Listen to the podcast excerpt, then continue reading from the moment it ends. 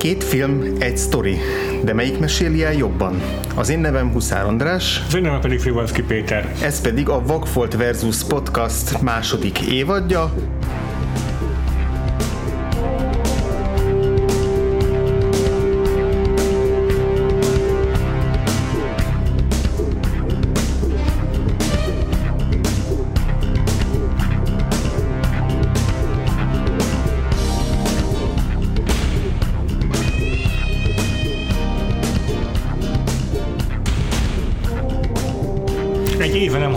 bennünket, remélem azért volt türelmetek kivárni, hogy ismét Vakfolt versushoz jussatok, kedves hallgatók. Ugye ez a Vakfolt podcastnek a spin-offja, két teljesen más ö, műsorvezetővel, és tavaly Um, olyan film... Minden nagyon más, az egész műsor, máshol is veszünk Más a fel. hangulata, máshogy veszünk fel, mások a vendégek, minden, semmi közel a kettőnek egymáshoz. Uh, Tavaly, tehát az első évadban, ö, akkor is hat részes volt az évadunk, most is hat, része, hat részes, tehát két hetente fogtok találkozni ezzel a podcasttel. Uh-huh. Viszont cserébe minden második héten dupla annyi filmmel foglalkozom, mint egy normál Pontosan, úgyhogy ha készültök és hallattok olyan, akkor pont ugyanannyit kell néznetek, csak általában mondjuk, hogyha két nappal az adás kikerül és előtt eszetek be, hogy hoppá, meg kéne nézni a filmet, akkor dupla annyit kell megnézni. Igen. Általában, általában ez nem szokott hatni az, hogy több idő van, mert ugyanúgy a végére hagyjuk. A tavalyi évad az az Iker filmekről szólt, ugye ezek olyan filmek voltak, ahol körülbelül egy éven belül, vagy mm. másfél éven belül ugyanabban a tévában valamiért két ugyanolyan, vagy két, két más film mm. készült el, ugye Armageddon Deep Impact Igen. leg, leghíresebb példa erre. Igen, de ott volt az Ants és a Bugs Life, amik meg ilyen animációs klasszikus csatát vívtak. Igen. Idén viszont egy kicsit más alapötletet választottunk. Ismételten, ahogy említetted, két filmmel foglalkozom minden adásban, tehát marad a verseny felállás, uh-huh. viszont azóta nem ikerfilmeket dolgozunk fel, hanem olyan filmeket, amelyek amelyeknek az egyike Hollywoodban készült egy hollywoodi produkció, a másik pedig egy nemzetközi produkció, tehát mindenképpen Amerikán kívül született. És a hollywoodi az a, általában a remake ennek az Amerikán kívüli Igen. darabnak. Megnézve egyébként a, a hat epizódot, amelyben a, amely a, a hat epizódunkat, mm. nagyjából fele-fele arányban lesz olyan, hogy valamilyen könyv adaptációja mm. a két film, és lehet, hogy egymástól függetlenül adaptálták. Tehát nem a film remake az amerikai változat, hanem csak a könyv egy másik adaptációja, és, és a maradék fele pedig olyan lesz, ami valóban direktben egy az ebben a film a remake-je. Uh-huh.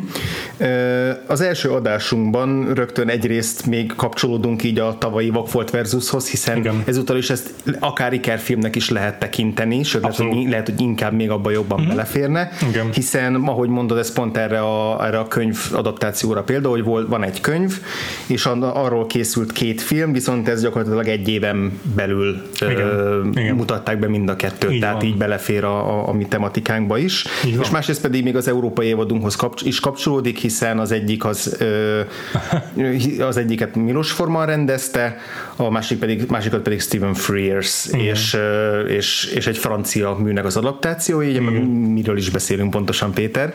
A Milos Forman film címe Valmont, a Stephen Frears filmé pedig veszedelmes viszonyok, ami ő ebben tükrözi az eredeti 18. századi egyébként betiltott regénynek a címét. Igen, ez most megpróbálom kiejteni. Én meg Francia név Choderlo de la Clos. Mondjuk. 1782-ben írta ezt a levélregényt, uh-huh. És, és ahogy mondod, ez a hatalmas botrányt keltett az, az amoralitásával és a, azzal, hogy, hogy, hogy mennyire... Hogyan ábrázolja az, az francia arisztokráciát, és, és azóta is rengeteg interpretáció született, született róla, hogy most akkor itt valójában mit is akart a szerző, uh-huh. mit is akart Aha. az író pontosan, Aha. hogy ez most tényleg ki akarta gúnyolni az arisztokráciát, ugye a francia forradalom előtt, Aha.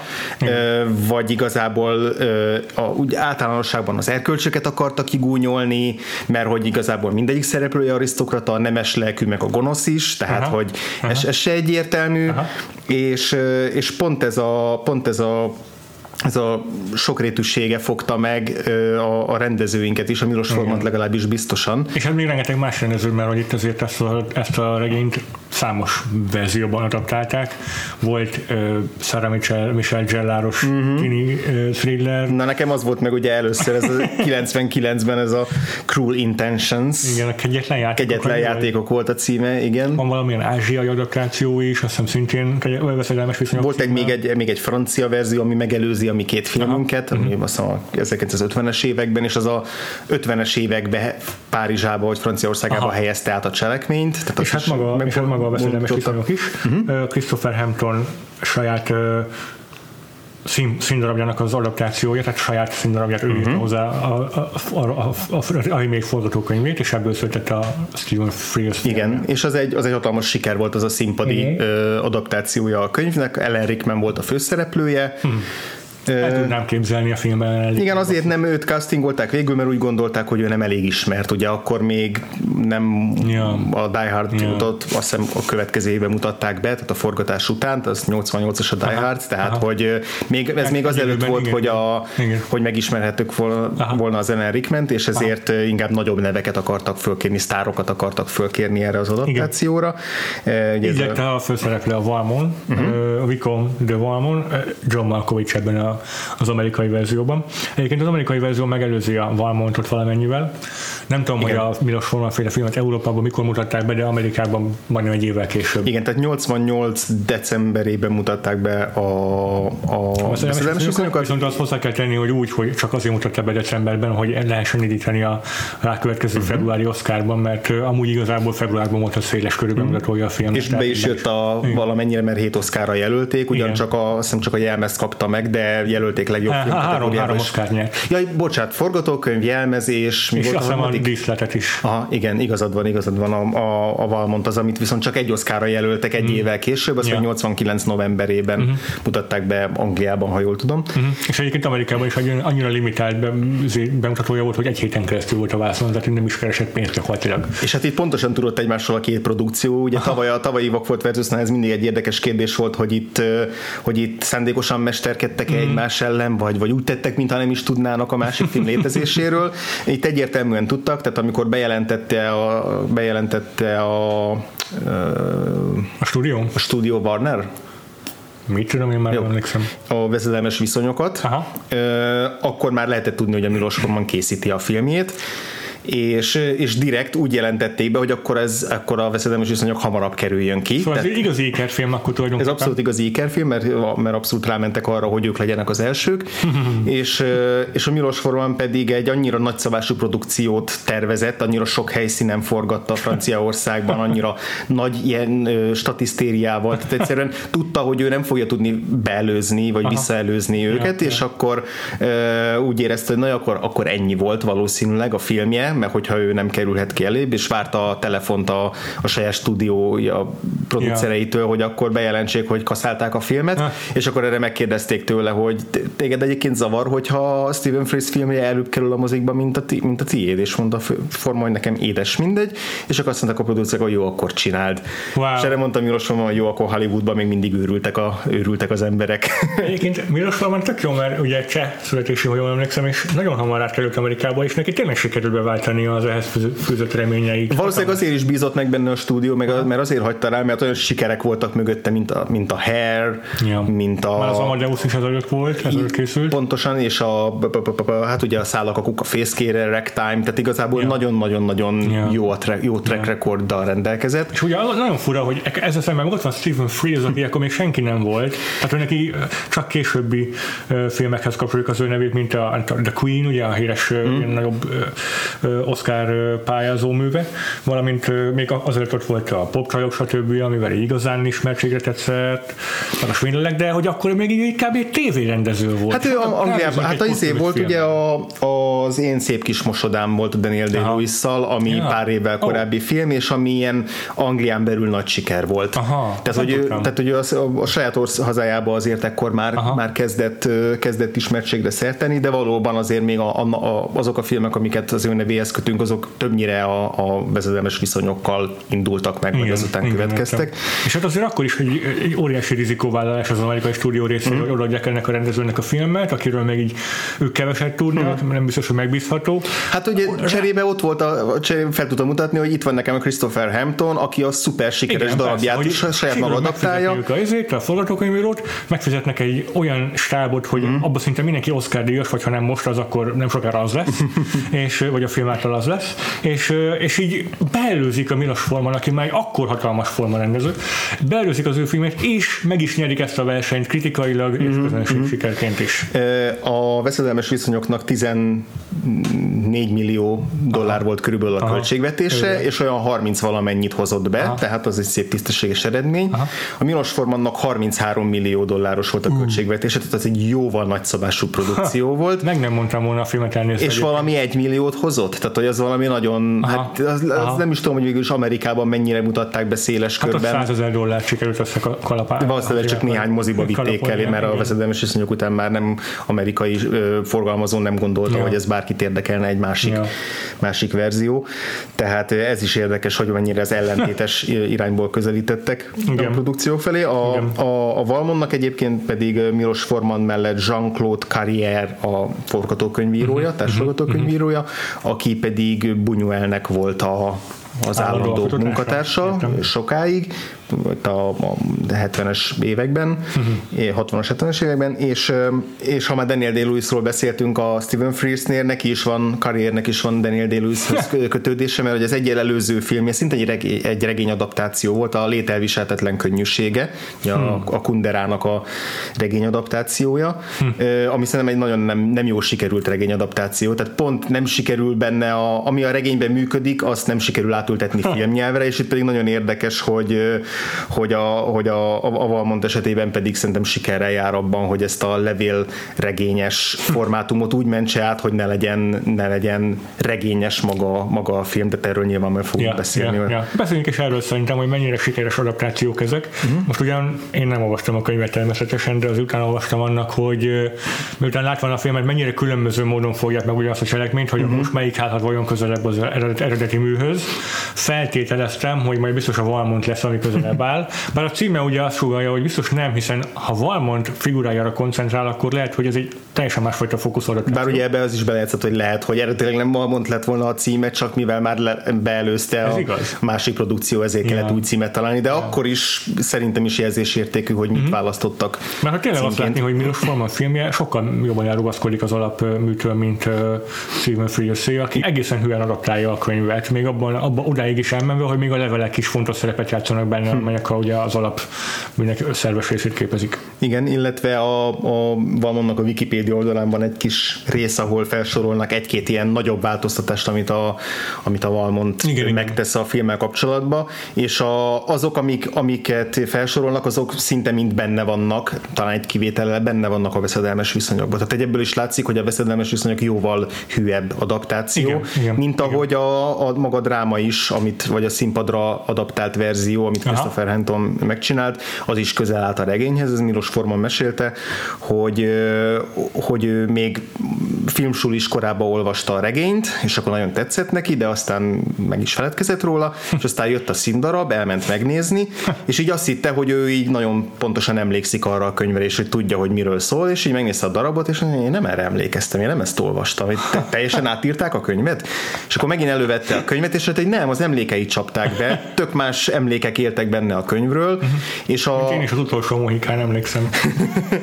Igen, és a színdarab pedig, pedig nagyon hűen lekövette a, az, az eredeti művet, és akkor ezt fogta meg a Milos Forman, hogy mennyiféle interpretációja Aha. lehet ennek, a, ennek az egy műnek, de hogy ezt ő is abszolút elismeri, hogy a, hogy a veszedelmes viszonyok az jóval, jóval közelebb, uh-huh. közelebb uh-huh. marad az eredeti műhöz. Igen, biztos, hogy egyébként szerintem el is, el is bajtász fel ezzel a film, hogy ennyire merészen elrugaszkodik az alap kiindulási műtől, de azért ragaszkodik a nevekhez, hmm. cím is utal az eredeti műre, és szerintem nem kellett volna, hogyha esetleg hmm. ez egy teljesen független, önálló kosmos hmm. filmként így megjelenik, Lehet, hogy Amerikában nem viszonyítják azonnal feltétlenül a veszedelmes viszonyokhoz. Hát ez biztos, hogy nagyon rosszat tett neki, de hogyha nem mutatja be a veszedelmes viszonyokat, akkor, akkor valószínűleg ez, a, ez, a, ez az akadály, ez, ezt nem kellett volna még pluszba mm. megugrani. Mm. De most én elkövettem azt a hibát, hogy valamiért nem néztem meg a, előre, hogy melyik volt a korábbi, és így az volt meg bennem, hogy a Valmont a korábbi, és utána jött a veszedelmes én, viszonyok. Én ebben a sorrendben néztem meg a két filmet, és utólag jöttem rá, hogy fordítva kellett volna. És pont akartam is kérdezni, hogy te vajon azért láttad utoljára a Valmontot, mert nagyon nem mindegy szerintem melyiket. Egyáltalán nem. Ez egy szerintem visszatérő kérdés lesz majd most az ide, még jobban, mint a tavalyi Vakfolt versus hogy melyiket látjuk előbb, hiszen most ugyanazt a történetet nyilván yeah. máshogy, yeah. tényleg pont ugyanazt a történetet yeah. fogjuk megnézni kétszer, vagy akár többször, és ilyenkor soha nem mindegy, hogy melyik az, amit, amit főleg, hogy ennyire közel egymás után nézzük yeah. meg, nem mindegy, hogy melyik, a, melyik az első. Ez egyébként le is fog vonni mindig szerintem a második filmértékéből jó eséllyel, uh-huh. és nálam meg is történt ebben a konkrét esetben a két uh-huh. filmnél. Uh-huh. Én a Valmontot egészen jól szórakoztam, és élveztem, uh-huh.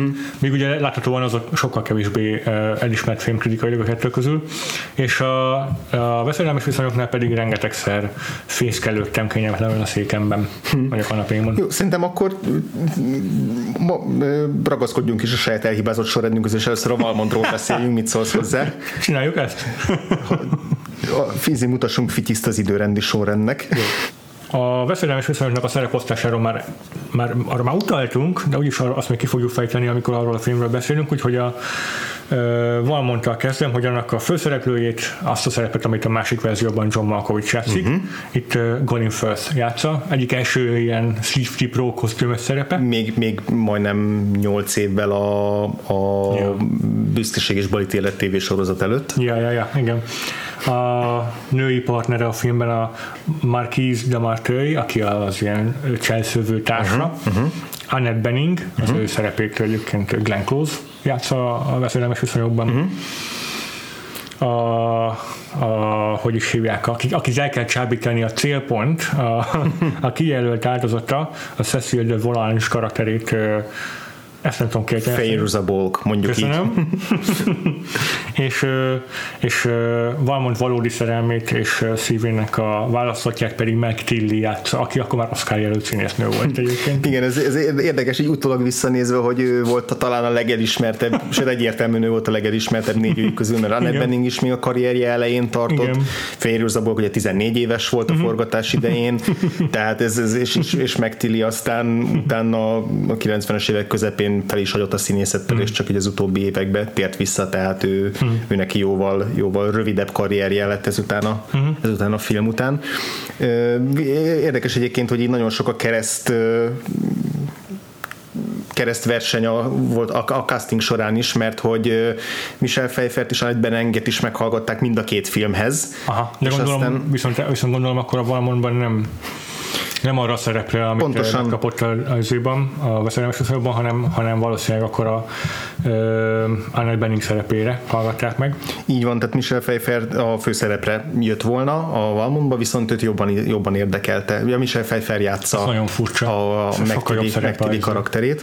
Sokkal jobb szerep pedig a Marquise. Hmm. És uh, tök érdekes szerintem, hogy ennek a filmnek egy konkrét tíz évvel fiatalabb az egész szereplőgálája, mint a, a veszedelmes viszonyoké. Szerintem ezek korhőbb is. Uh-huh. Tehát, hogy a 14 éves uh, Cecil, aki ugye az áldozata a filmnek, az sokkal, sokkal élethűbb számomra, mint a, a 24 éves Uma Thurman. De egyértelműen, igen. Pedig ugye Uma Thurman is nagyon fiatal volt uh-huh. akkor, uh-huh. veszedelmes viszonyok idején, alig 20 éves, ahogy mondod, de, de, de, még így is azért jóval idősebb, idősebbnek tűnik. És a minden más szereplő is, tényleg a Glenn Close, és az, az is, is mindenki 10 év És az, az is vicces, hogy a veszedelmes viszonyoknak gyakorlatilag amerikai a szereplőgárdája, ja. és a, a, a Valmontba több az angol igen, születésű igen, színész. Igen, igen, igen. Uh, és mit kell még erről a filmről tudni?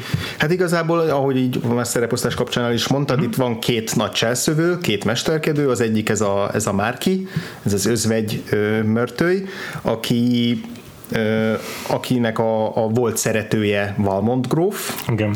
És és igazából ők kötnek ilyen, az elején viszonylag egyértelműnek tűnő ilyen ö, kihívást, ö, vagy, vagy, vagy megállapodást kötnek egymással, hogy, ö, hogy a, a Márkinének a szeretője, aki ott hagyja őt, mert feleségül akarja venni a kislányt, Igen. Cecilt, ugye akit Féruszaból játszik. Elrendezett házasság. Így van.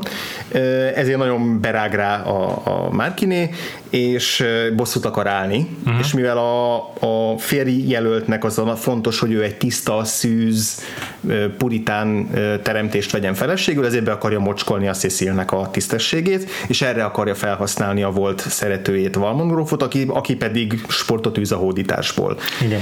És aztán megbonyolódik a, rögtön az elén a cselekmény, mert ugye Valmond gróf meg azt mondja, hogy kösz nem, én meg kiszemetem magamnak valaki mást, egy másik nagyon erélyes és erkölcsös nőt, keresztény szellemiségű nőt. Ez lesz a McTilly. Ez lesz a McTilly karakter, a Turvel, aki, aki ráadásul házas. házas, házas ember, és hogy őt meg úgy kell meghódítani, hogy ő nem akarja, hogy folt essen a, a, a, a, a nőnek a becsületén, hanem pont a becsületességével együtt akarja meghódítani, és hogy ez neki a nagy kihívás. Igen. És így innen indul a cselekmény, és aztán szerintem rettenetesen túl van bonyolítva mind a két filmben. Aha. Egy idő után tökéletesen elvesztem a fonalat, hogy most ja. pontosan kinek mi a célja, Igen. és mit akar, és Igen. most éppen kin akar bosszút állni, éppen kiért. Még behoznak ilyen mellé karaktereket, mint a fiatal lánynak, a Cecilnek, a kis szeretője, aki a kis zenetanár, vagy nem tudom micsodája, és akkor őt is, ő is bekavarodik ebbe az egész intrikába, és így az egész már túl sok szereplőség válik egy idő után ahhoz, hogy, hogy, hogy, hogy, hogy igazán feszülté tudjon válni.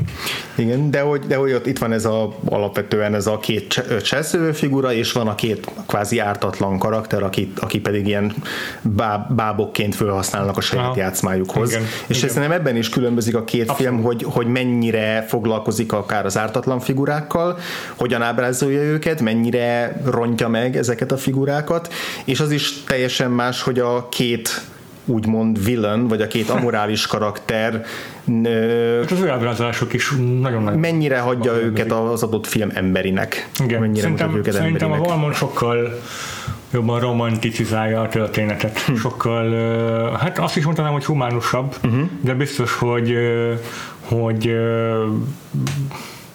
szerintem több dimenziósak igazából, főleg Annette Bening karaktere, uh-huh. a Marquise, sokkal több dimenziósnak tűnt számomra, mint amit a Glenn Close kapott szerepet a veszedelmes viszonyokban. Arról beszélve, hogy Colin First karakter meg egy az egyben egy romantikus hódító, akinek hm. igen, van egy ilyen árnyoldala, hogy annyira hiú, meg annyira ö, nőcsábász, hogy ezzel sok, erkö, sok erkölcsét feladja, uh-huh. de ugyanakkor még mégis inkább hódító, meg inkább, uh-huh. inkább, inkább egy ilyen mm, szeretni való figura a, a maga hitványsága mellett. Hmm. Mint, mint John Malkovichnak az egyértelműen szociopata figurája. Igen, tehát hogy az az érdekes, hogy a, és valószínűleg itt is térünk vissza ahhoz, hogy miért Valmont a film címe, uh-huh. hogy őt, őt teszi meg Igen. kulcsfigurává, mert Igen. hogy sokkal tragikusabb figura. Igen. Jobban együtt lehet érezni az ő bukásával. Igen. És és és valóban nem annyira elvetemült gonosztevő, mint Igen. John Malkovich a, a másik filmben sebezhetőbb is, mert nem is annyira dominanciájával így hengerlél el őket, mint, mint John Malkovich, hanem, hanem ő tényleg tud csábítani. Uh-huh. neki vannak jó módszerei a nők elcsábítására. Uh-huh. Igen, kevésbé ilyen pszichológiai játékokat játszik, bár azért megvan ebben a filmben is erősen, bár ebben a filmben inkább az Annette Bening karaktere yeah. manipulál jobban. Yeah. Yeah, yeah. Colin Firth inkább csak, inkább csak tényleg a csáberejével játszik, meg a, meg a humorával. Igen. Uh, igen. igen. És, és emiatt alul is marad. A kette, tehát a kette kettejük kapcsolata nem egyenlő ebben a filmben. Szerintem Colin, a, a Valmont gróf egy idő után áldozata lesz a Márkinénak. A Márkiné karaktere se annyira ö, határozott, vagy annyira erőteljes, mint Glenn Close karaktere szerintem. Viszont... Van, van egy konkrét kulcsjelenet, amikor mm-hmm. így ö, az, ami azzal fejeződik be ebben a filmben, hogy így felborítja a kádastól mm-hmm. föl az Annette Beninget. Na, ilyen momentum elképzelhetetlen a veszedelmes viszonyokban, meg Glenn Close ott annyira erőteljesen domináns karakter, hogy, hogy ilyet nem engedhet meg magának, mm-hmm. és John mm-hmm. De ennek ebben a filmben mégis azt érzem, hogy van egy, van egy dominanciája a Colin, a, a, a Colin firth szemben, vagyis hát a, a Valmon Gróffal szemben. Uh-huh. Tehát amikor háborúra kerül a sor kettejük uh-huh. között uh-huh. a mhm. film utolsó harmadában, akkor ott én azt éreztem, hogy a, hogy a, hogy a, a Valmonnak esélye sincs fölvenni a kesztyűt a, a Márkinéval szemben, mert gyakorlatilag a Márkiné a későbbi kulcsányban elhiteti vele, hogy ő valójában még mindig epekedik a Valmont gróf után. Igen, igen, értem. Majd tökéletes időzítéssel rombolja le azt, amikor benyités ott van a, ott van a zenetanár fiú, akit igen. sikerül elcsavarni a, a, a fejét, uh-huh. a, a Cecilnek a nagy szerelme, és ezzel romba dönti a, a Valmontnak a terveit. Ezt igazából ekkor már követetetlen, hogy pontosan mi a Valmonter, úgyhogy azért nem is részletezem, mert, nem, nem próbálom meg most a hallgatók számára egy érthetővé tenni, mert szerintem akkor már nem egészen érthető az, hogy Igen. ki mit miért csinál, csak az, az, az világos, hogy, hogy éppen most kivel akarnak kicseszni az egyes szereplők. Igen. De ott a, ott a Valmont gróf elveszti a, a talajt, és gyakorlatilag Aha. elveszti a küzdelmet is, és a, nagyon érdekes összevetni a, a két filmben uh-huh. a, a végső párban jelenetet is, hogyha most Abszolút. már ugye vége felé, végéről közelítjük meg a filmet, mert hogy a veszedelmes viszonyokban egy, egy sokkal ö, lendületesebb, hosszabb párbaj van, egyenlőbb felek végig, mm-hmm. és csak a mhm. végén bukik el a mhm. John Malkovich, és, és ö, és utána még van egy hosszú utolsó monológia,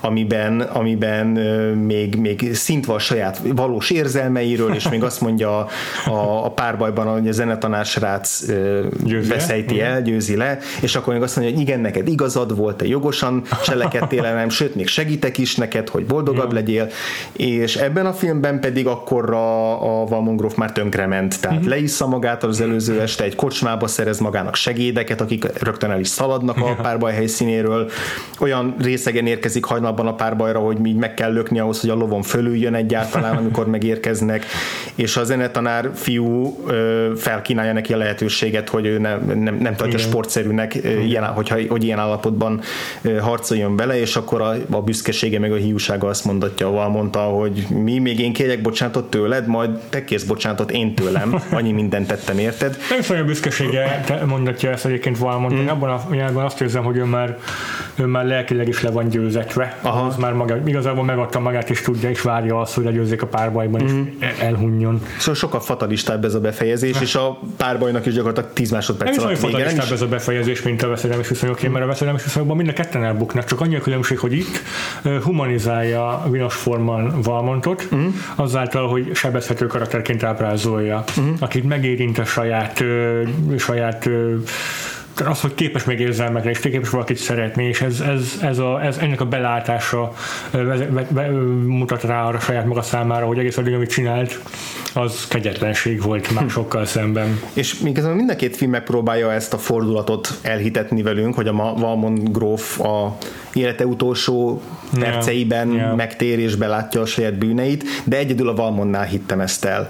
Igen, Tehát én a veszedelmes viszonyoknál az abból, ahogy John Malkovich addig játszotta a karaktert, és ahogy meg volt írva, nekem totálisan mhm. hiteltelen volt az. Legfeljebb azt el tudtam inni, hogy ő akkor ott haldoklás közben elhiszi magáról, hogy ő ja. tényleg szerelmes, és hogy ő tényleg ö, rosszul cselekedett, de, de a karakter valóban annyira szociopata és annyira manipulatív, hogy, hogy ott nem, nem hiszem el neki, hogy valós érz, ilyen emberi érzelmei vannak. Igen. Ez a karakter pedig valóban sokkal emberibb, és ezért Egyre... nekem tisztább a, a, a, a figurájának a jellemrajza is.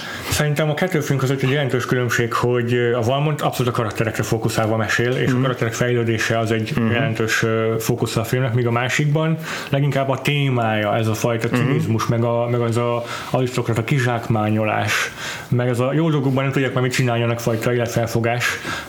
Ez van fókuszban, és nem feltétlen a uh-huh. karaktereknek az íve. Teljesen Itt a Valmonnál tökre lehet látni azt, hogy Colin Firth karaktere nagyon jól ábrázolva, mert tényleg compelling, ilyen érdekes, hogy te sem tudod eldönteni, hogy most szereti valójában uh-huh. mhm. karakterét, vagy csak egy fontos, hogy hívják, trófának gondolja. Uh-huh. Erre, erre abszolút rá is akartam kérdezni, hogy szerinted szereti mert ugye hát a filmben majd beszélünk arról is, amikor Cecilt próbálja megrontani, Aha.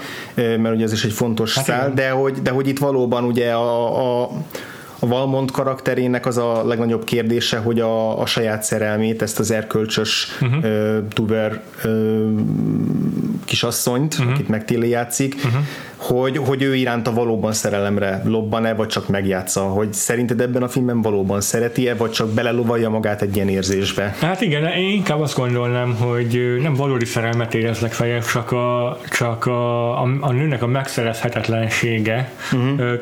tulajdonképpen fellobbantja benne valamilyen módon a szerelmet, de nem is inkább a nő iránt, hanem csak maga a trófea, vagy a megszerez, megszerezhetetlen uh-huh. nő iránt egy ilyen egy ilyen dűből vagy gazból való szerelem ez már inkább. Uh-huh. Te mit gondolsz? Egyrészt igen, másrészt szerintem a, ez a film pont ezekben a, a, a szereplők közti interpersonális kapcsolatokban sok rétűbb, mint a veszedelmes Aha. viszonyok, mert a veszedelmes viszonyokban is abszolút megvan az, hogy a, hogy a John Malkovichnak ez egy kihívás, hogy meg yeah. kell hódítania ott ugyanis yeah. elfejfert. Yeah. És uh, és, és máshogy kezeli a két film ennek a, a menetét, tehát más a, a női szereplőnek is a reakciója mm. bizonyos pontokon, más okay. ritmusban építi fel a, a, a karaktereket, és, és igen, látszólag ebben a filmben Valmont, amikor meghódítja végül a, a Turvelt, és amikor végül hosszú csatározás után odaadja magát neki a nő, és másnap reggel úgy megy oda hozzá, hogy mit tehetek érted, uram, mostantól mindent meg fogok tenni érted, akkor hirtelen megijed ettől az egésztől a felelősségtől. Én legalábbis így értelmeztem, hogy, hogy, hogy hirtelen, hirtelen sok lesz ez neki, és valóban tehát hogy nem annyira azt éreztem, hogy most elvégzett egy feladatot, és másnap pedig egy, öh, nekem ez már nem kell, hanem mintha maga is így megérezte volna, hogy itt, itt valami komolyabb dolog tört, is történhetne, de Aha. nekem ez nem kell. Én Aha. ezzel nem tudok mit kezdeni, Aha. mert ez egy gyenge ember vagyok, Aha. én nekem a hódítások voltak eddig az életemben. Tehát igazából ugyanaz a kettő, csak itt van egy, itt érzek egy plusz dolgot a, a Valmon karakterében, ami miatt aztán később, amikor, amikor ö, még a, a lány ugye az elutasítás után, miután ott hagyja Valmont gróf, akkor utána még így mintha epekedne utána, vagy ott áll az esőben és figyeli a hát is beteszik a házat. Hogy hívják be az el, a szerelmi bánatba. Szerelmi bánatba, és akkor utána még visszafogadja, és utána már inkább ő akarna többet, és a lány nem akar tőle. Tehát, hogy van egy ilyen érdekes dinamika köztük, amiből azt érzem, hogy a, hogy a, a Valmont gróf, abba, hogy nem írta le teljesen abban a pillanatban, hogy sikerült a hódítás. Eredetileg az volt a terv, hogy igen, itt most ez egy kihívás, de ahogy belebonyolódott, Aha. valamit elkezdett érezni iránta, és nem, nem biztos, ez nem egy, nyilván nem egy tiszta szerelem, mert ez nem az a film, Aha. ahol ti, óriási tiszta szerelmek yeah. vannak, yeah. de szerintem ebben a filmben bonyolultabb ez a kapcsolat, mint, mint a másik film, ahol szerintem, sokkal tisztább az, hogy kinek mik a... Igen. Én nem vagyok benne biztos egyébként, hogy Valmont megijedtett a kapcsolattól is, uh-huh. hagyta ott a Madame de Tourville, hanem egyszerűen csak másnap reggel felébredt, és így azt mondta, hogy ez nem én vagyok, uh-huh.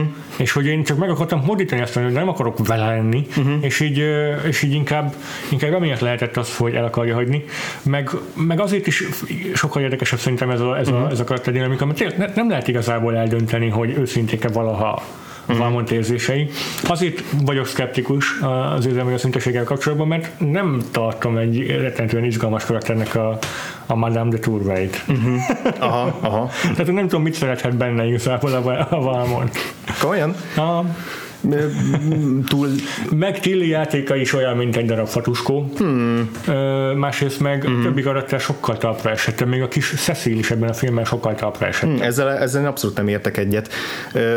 Szerintem a, az ő flörtölésük, pontosabban a, a hódítási kísérletek a film első hmm. fenében Valmont hmm. részéről nagyon egyértelmű ellenállásba ütköznek. Tehát nekem, nekem pont, hogy ezért izgalmas ez a figura, mert hogy ez a, a Madame de Tourville lehetne egy nagyon kis butuska, egyszerű, szent életű valaki, aki, aki, aki nem ismeri fel azt, hogy itt most manipulálni akarják, és ah, hitte, leborul a, a sármos Valmont Persze. előtt. De valójában gyakorlatilag az első pillanattól le, leveszi azt, hogy a Valmont az nem egy jó ember, nem egy olyan ember, mhm. akivel neki össze kéne szűrnie a mhm. levet. Ö, és újra és újra elutasítja, és kineveti, amikor, amikor azt kiabálja utána, hogy szeretlek, mert hogy még elő, életükben először találkoztak, és, és az az izgalmas nekem ebben a karakterben, hogy annak ellenére, hogy tudja, hogy ez neki nagyon rossz, és hogy neki ezt nem lenne szabad, és hogy ez az ember ez, ez rossz, annak ellenére mégse bír ellenállni neki. De... És annak ellenére mégis, mégis sikerül meghódítani őt. Tehát, hogy igen, ezt igen. A, azt hiszem, hogy talán a, talán, a, talán a Roger Ebert írta a kritikájában volt egy nagyon jó megfogalmazás, hogy végül, végül is a Valmont profibbnak bizonyul a hódításban, mint amennyire profi a Turvey az ellenállásban. és nekem ez, nekem ez egy izgalmas dolog. Az, hogy utána mi lesz a karakterrel, az valóban kevésbé, kevésbé uh-huh. részben kevésbé érdekes is, meg kevés, tehát kicsit el is tűnik a filmből a, uh-huh. a, a Turvey. Hosszú időre eltűnik a filmből, ami nagyon furcsa, és nem tesz jót ennek az egész történetnek. Hogy Szerintem is. A film második fele az kicsit így szétesik, uh-huh. szerintem is. Igen, de egyébként a másik film számára is oda lehet írni azt, hogy eltűnik belőle Michel Pfeiffer egy hosszú uh-huh. időre. És ráadásul a másik filmén meg is játsz azt, azt, azt a rossz tropot, hogy a végén annyira belebetegszik a szerelmi bánatba, hogy bele is pusztul. Hát jó az a könyv. Ö, Világos, sége. persze, viszont nekem ezért is tetszett az, mm. hogy, hogy ez a film a Valmont elrugaszkodott ettől a befejezéstől. Mm. Ennél a karakter, majdnem minden karakternél elrugaszkodott az eredeti befejezéstől, mert mm. úgy érezték, hogy hogy egyszerűen így a, a, a könyv az így kiméri a büntetéseket minden ja, ja, figurára, igen. ami részben igaz szerintem, mert egyrészt kiméri a büntetéseket azokra, a akik amorálisak, hm. de közben kiméri a büntetéseket az ártatlanokra is, tehát ebben... Hát de ez a lényeg azoknak a cselszövéseknek, hogy, hogy nincs, nincsen nyerteseik a hatály. Persze csak inkább arra gondolok, hogy a könyvnek a szerzője az nem egy ilyen általános morális értékítéletet akart ezzel, hogy a, aki bűnös az meglakol, hanem mindenki meglakol. Tehát, mindenki ez... meglakol, de nem mindegy, hogy hogyan, basszus, amikor a Glenn Close uh, mm kifütyülik, mert kifu, ki, Ez igaz, hogy ők... Hát, nem, tehát az az érdekes, hogy igen, őt kifütyülik, mert sőt a könyvben még, még valami izé, valami fizikai félelést is betegséget is összeszerül, és megvakul és megcsúnyul, uh-huh, a Valmon pedig ugye meghal, uh-huh. de közben meghal a, a, a Turvey is, a, és az eredetiben, a könyvben, illetve a veszedelmes viszonyokban is, a Cecil pedig visszakerül a, a hogy hívják? Viszont elvetél, ugye, a, zárdába, Aha. zárdába visszakerül, és igen, el is vetél. Tehát, hogy én nem érzek annyira ö, súlyozott büntetéskimérést, de, de ebben a filmben viszont egyértelműen elkerüli ezeket, ezt a fajta ö, meglakoltatást a szereplőtől. Igen, mert szerintem sokkal ö, inkább egy ilyen romantikus tragédia akar lenni Milos Forman film, és nem, nem tényleg nem a cinizmusról szól, és nem azoknak a karaktereknek az mm-hmm. távolságtartó ö, kivesézéséről, hanem hogy azonosulj a Valmonttal, meg azonosulj fiatal lányjal, és hogy legyen egy számodra is megérintő, téged is megérintő tragédia az ő halál. Annak én mm. hogy, hogy micsoda gerinctelen figura volt egész életében. Mm.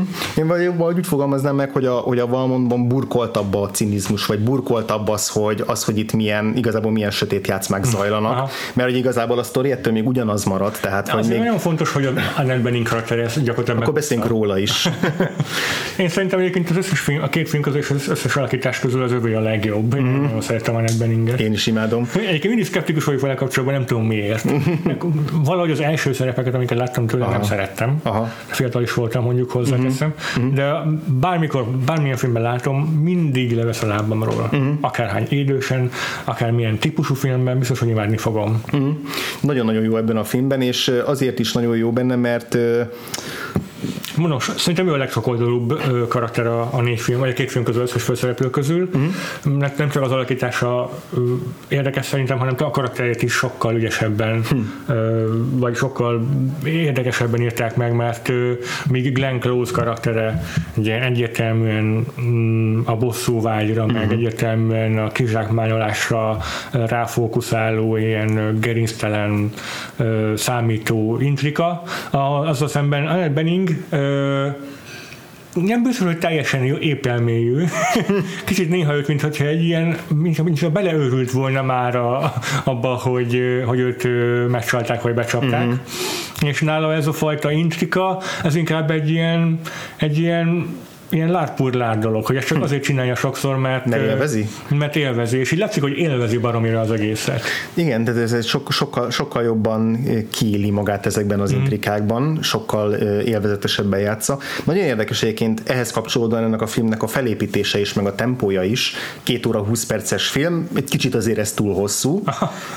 Főleg a második. Főleg a második fele, viszont viszont sokkal jobban építi fel a történetét és a Szerintem figurákat is. is. És már az alapszituációt is sokkal egyértelműbben tállalja, mint a és, és itt vissza is kanyarodok ahhoz, amit korábban mondtál, hogy, hogy ebben a filmben fontosabbak a karakterek, mint a veszedelmes viszonyokban.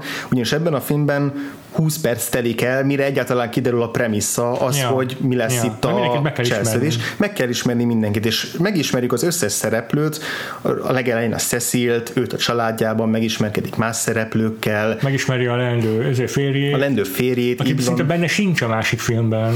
És, és mire eljutunk oda, hogy hogy Annette Bening kimondja azt, megmondja azt a Valmont Grófnak, hogy uh-huh. keverem össze-vissza a karakter, meg a színész neveket mindig végképpen hamarabb eszembe Tehát amikor Annette Bening megmondja Colin Firthnek, hogy, hogy, hogy mi a terve a Cecil-lel, az egy valód, valóban jó fordulat, mert egészen addig, ha nem ismernénk a sztorit, akár azt is értnénk, hogy az Annette Bening karaktere tényleg kedves, és tényleg szereti Cecilt.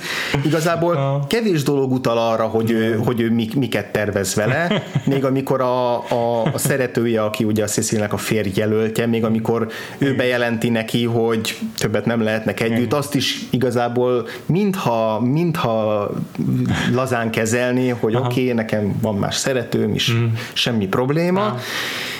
és így, és így kellemesen telik, telik a film, majd egyszer csak így bum, ledobja a bombát, és azt tetszik az Annette Bening alakításában, hogy pontosan ugyanazzal a mosolyjal, és ugyanazzal Igen. a mézesmázos hangkordozással Igen. adja elő azt, Igen. hogy mi a terve. És abban a pillanatban hirtelen, amit addig láttunk, minden megkérdőjeleződik, mindennek az őszintessége, és onnantól kezdve pedig minden egyes mosolyogva el, felvezetett mondata, az így rögtön sokkal fenyegetőbbé válik, és, és mint, sokkal ilyen kígyószerűbb lesz a karakter. Sokkal izgalmasabban intrikus, mint uh-huh. Glenn Close karakter, akit így, ha most elmondják neked, hogy játsz egy szerepet, aki egy ilyen kígyó, aki egy ilyen dáma, aki intrikus, akkor így fogod játszani. Hmm. Ugye rizsporos paróka, meg ilyen uh-huh. smink, mert hogy az itt te humanizál, és így egyenes gerincel, ilyen kőarcú tekintettel, és, és, ilyen, és ilyen fenyegető kiállással. Mm. És ugye ez a Glenn Close, nagyon jó benne, mm-hmm. csak szerintem sokkal izgalmasabb, amit Annette Bening csinál. Annette Benningről elhiszed, hogy mindenki a legjobb barátnője akar lenni.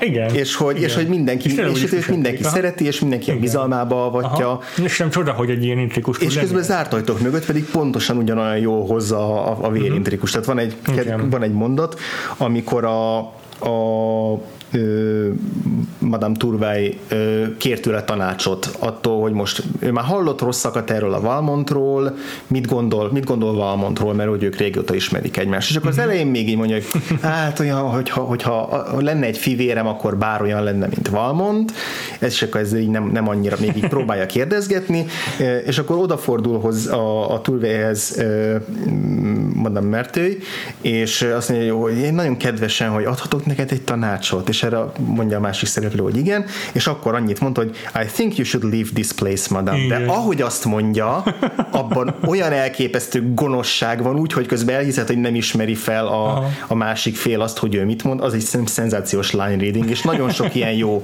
line readingje van az egész filmben az hmm. Annette Beningnek. Igen. És, és lehet, lehet, hogy ezért is érzem azt, hogy, a, hogy, hogy, hogy, hogy felülkerekedik a Colin Firth, szerintem a Colin Firth is nagyon jó, és nagyon izgalmas, és ő is, amikor elvigyorodik, rengeteget vigyorog a filmbe, akkor ő is ilyen nagyon-nagyon csábító figura tud lenni, de mégis azt érzem, hogy ha valaki nyerekben van, akkor az az Annette Bening. Igen, de mindkettőjükről jobban elhiszem, hogy egy ilyen udvari intrikában aktív szereplők tudnak lenni, mert értem a másik film megközelítés is érdekes, nagyon furcsa, hogy mennyire máshogy fogják meg az alapötletet, uh-huh, uh-huh. hogy ezek ilyen udvari intrikában jártas karakterek, mert a másik filmben egyszerűen az van, hogy mindenki főszereplő így ledominál maguk körül mindenki. Pontosan. És így nem lehet ellenállni az ő gőzhengerüknek. Így van. Itt pedig így beépülnek ezek közéjük, és így elcsábítják, rá, a bizalmukra rájátszanak. Teljesen más a kettő film felfogása. Igen, igen. Plusz ott van még amellett, hogy, hogy Annette Bening rendkívül szexuális karakter mm. a filmben, míg mm. Glenn Close abszolút nem az. Mm-hmm. Ö, és akkor még ugye nem beszéltünk a, a negyedik fő karakterről, a Cecil mm, karakteréről, uh-huh. akiről ugye már emlegettük, hogy mennyivel érdekesebb és korhűbb és hitelesebb uh-huh. is az, hogy tényleg egy kislány játsza. Emiatt aztán más is a dinamikája a jeleneteknek, meg az ők, igazából talán ez a két karakter különbözik a legjobban a, Abszolút, a két igen, film között. Abban, hogy később mennyire válnak maguk is valamilyen szinten intrikussá. Ebben a yeah, filmben yeah. a kislány egyáltalán nem, ő végig kiszolgáltatott, végig naív. Szerintem van, vannak talpra esett árnyoldalai, amik hmm? azt jelzik, hogy, hogy ha nem is mondom, hogy érettebb a koránál, de azért úgy van egy olyan proaktivitása, vagy van eset tudja, amit, amitől érdekes karakteré válik számomra. Például amikor összepróbálja hozni őt a kis csellista szeretőjével az Annette Benning, akkor... Hárfás. Hárfás, bocsánat, keverem, nem emlékeztem jól. Uh-huh. Akkor, akkor így a, a hárfás fiú az így elkezd neki verseket olvasni, mert egy ilyen romantikus, ilyen Ez nagyon vicces rész, És akkor a csaj így forgatja a szemeit, hogy nem már. Igen, de közben a, a, a csaj is végig ilyen, tehát látszik, hogy azért egy zárdából érkezett, mm. mert hogy nagyon avatatlan így a szexualitás terén például. Mm-hmm. Tehát, hogy pont ez a csábítás jelenet nagyon jó, hogy ide bevezetik, bevezetik őket egy olyan terembe, ami gyakorlatilag az összes freskó az valamilyen erotikus jelenetet ábrázol, és, rá, és ráadnak egy olyan ruhát, szinte átlátszó ruhát, látszik, hogy iszonyatosan feszeng, és nem tudja, hogy mit kéne csinálnia, csak valóban, amikor már, már próbál ugye, alkalmazkodni a helyzethez, és a, a, a, a fiú még ennél is töketlenebb, akkor, akkor látszik rajta, hogy, ő, hogy, hogy ő így, ez, ez, ez már neki is sok. Aha. De, de, hogy, de hogy ennek ellenére őt azért tehát benne is az a jó, hogy ugyan végig dróton rángatják, de nem érzed azt, hogy egy ilyen buta kis liba, hanem yeah. egyszerűen tényleg csak yeah. egy 14 éves kislány, yeah. aki, aki elhiszi az Annette Benningről, hogy, a, hogy jót akar neki, és itt Annette Benning perfekciózusan manipulálja. Tehát mindig az olyan úgy adagolja be neki az információkat, Igen. például azt, hogy hát mindenki úgy csinálja, hogy van egy férje, és mellette van egy szeretője, és hogy mi, miért akarna bárki is férhez menni a szeretőjéhez? Ami elmebeteg logika. Unalmas dolgot nem lehet elképzelni élni szerintem. De, de hogy sikerül elhitetni a kislányjal, hogy valóban ez a, ez a ez a, ez a normális. Ja, de ez egyébként egy ilyen korkritika is, szerintem hmm. az így biztos, hogy ha nem is egy egybe emelték át az eredeti könyvből, de beleillett volna akár. Hmm. És egy jelenetet mindenképpen ki akarok emelni, ami arra nagyon jó példa, hogy mennyire jó a forgatókönyv, és Milos Formannak is a koncepciója, arra nézvést, hogy expozíció meg hmm. monológok nélkül is mennyire sokat el lehet mondani egy-egy kapcsolatról. Hmm. Van ebben a filmben egy jelenet, ahol, ahol egy estét tartanak, ahol táncolnak szereplők. És ott a, a Valmont három, mind a három női főszereplővel táncol. Igen. És igazából semmi nem hangzik el, nem nyomatékosítják, hogy, mi, hogy, hogy, hogy, hogy mit kell látnunk, vagy mit kell leszűrnünk ebből a jelenetből, de teljesen egyértelműen felrajzolja, hogy igazából a Valmonnak milyen a, az ideális viszonya ezekhez a szereplőkhöz. Az első tánc az a Cecillel hmm. járja el, az egy nagyon cuki kis tánc, pont, pont olyan, mint hogyha egy, egy jófej nagybácsi lenne, vagy egy jófej idősebb testvér, Aha. ahol így jókat bolondoznak, meg, meg röhögcsélnek, meg, meg ilyen eltúlzottan ugrabugrálnak, tehát az, az egy ilyen passzol a, a kettőjük korkülönbségéhez, mert ahogy a kettőjük kapcsolatának lennie kellene. Uh-huh.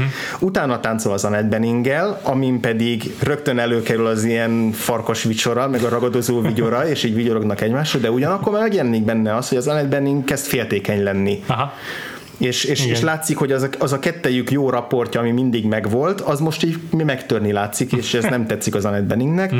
mert ezután jön a harmadik tánc a, a McTillivel, és nekem ez a, igazából ez a tánc győz meg arról, hogy mm. itt hmm. valami valódi érzelem is van köztük, mm. mert abban a táncban hihetetlenül, az egy nagyon érzéki tánc, mm. és ahogy ott egymásra néznek mind a ketten, és ahogy a kamera is mindig úgy ö, megy közel hozzájuk, amikor ők közelednek egymáshoz, és a, olyan Aha. intimitást terem, teremt meg kettejük között, aminek egy borsodzott a hátam. Tehát, hogy ott, ott azt éreztem, hogy fú, itt tényleg így röpködnek a szikrák. Aha.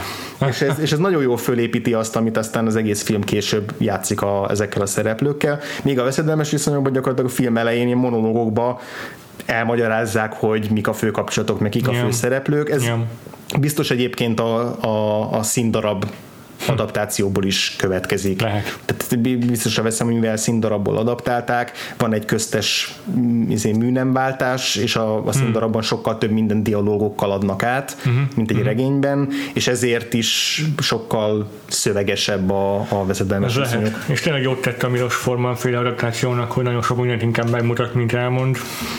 Ugyanakkor az is érdekes ugyanezzel kapcsolatban, amit mondtál ez a jelenettel, hogy ezt is ábrázolja, ez, a, ez, ez is jól ábrázolja az a jelenet, hogy itt a karakterek dinamikája sokkal kiegyensúlyozottabb, és, uh-huh. és, és, és, és konfliktusra, inkább konfliktusra épül, mint a másik filmben, ahol egyszerűen mindig mindenkit lehengerelnek a, a főszereplők, és ott a csábítás is úgy zajlik, hogy, hogy addig nyomul rá, ameddig meg nem adja magát a, akire éppen nyomul. Igen, és szerintem ezen a jelenettel át, egy fő jelenet át is köthetünk a veszedelmes viszonyokra. Nyilván arról már kicsit kevesebbet fogunk beszélni, mert eddig is nagyon sokat beszéltünk Persze. a két filmről, tehát Igen. ezt nem lehet úgy megúszni, hogy, hogy ne hasonlítgassuk folyamatosan hogy egymáshoz a kettőt, de hogy van a, az egy, mind a két filmnek egy központi jelenete, az, ahol végül mégis a Cecilt meghódítja Valmont gróf, uh-huh. ami egy nagyon Ugye fontos... Ez a filmnek a tétje, hogy mond ebben állapodnak meg a, a, a kettőjük, Pontosan.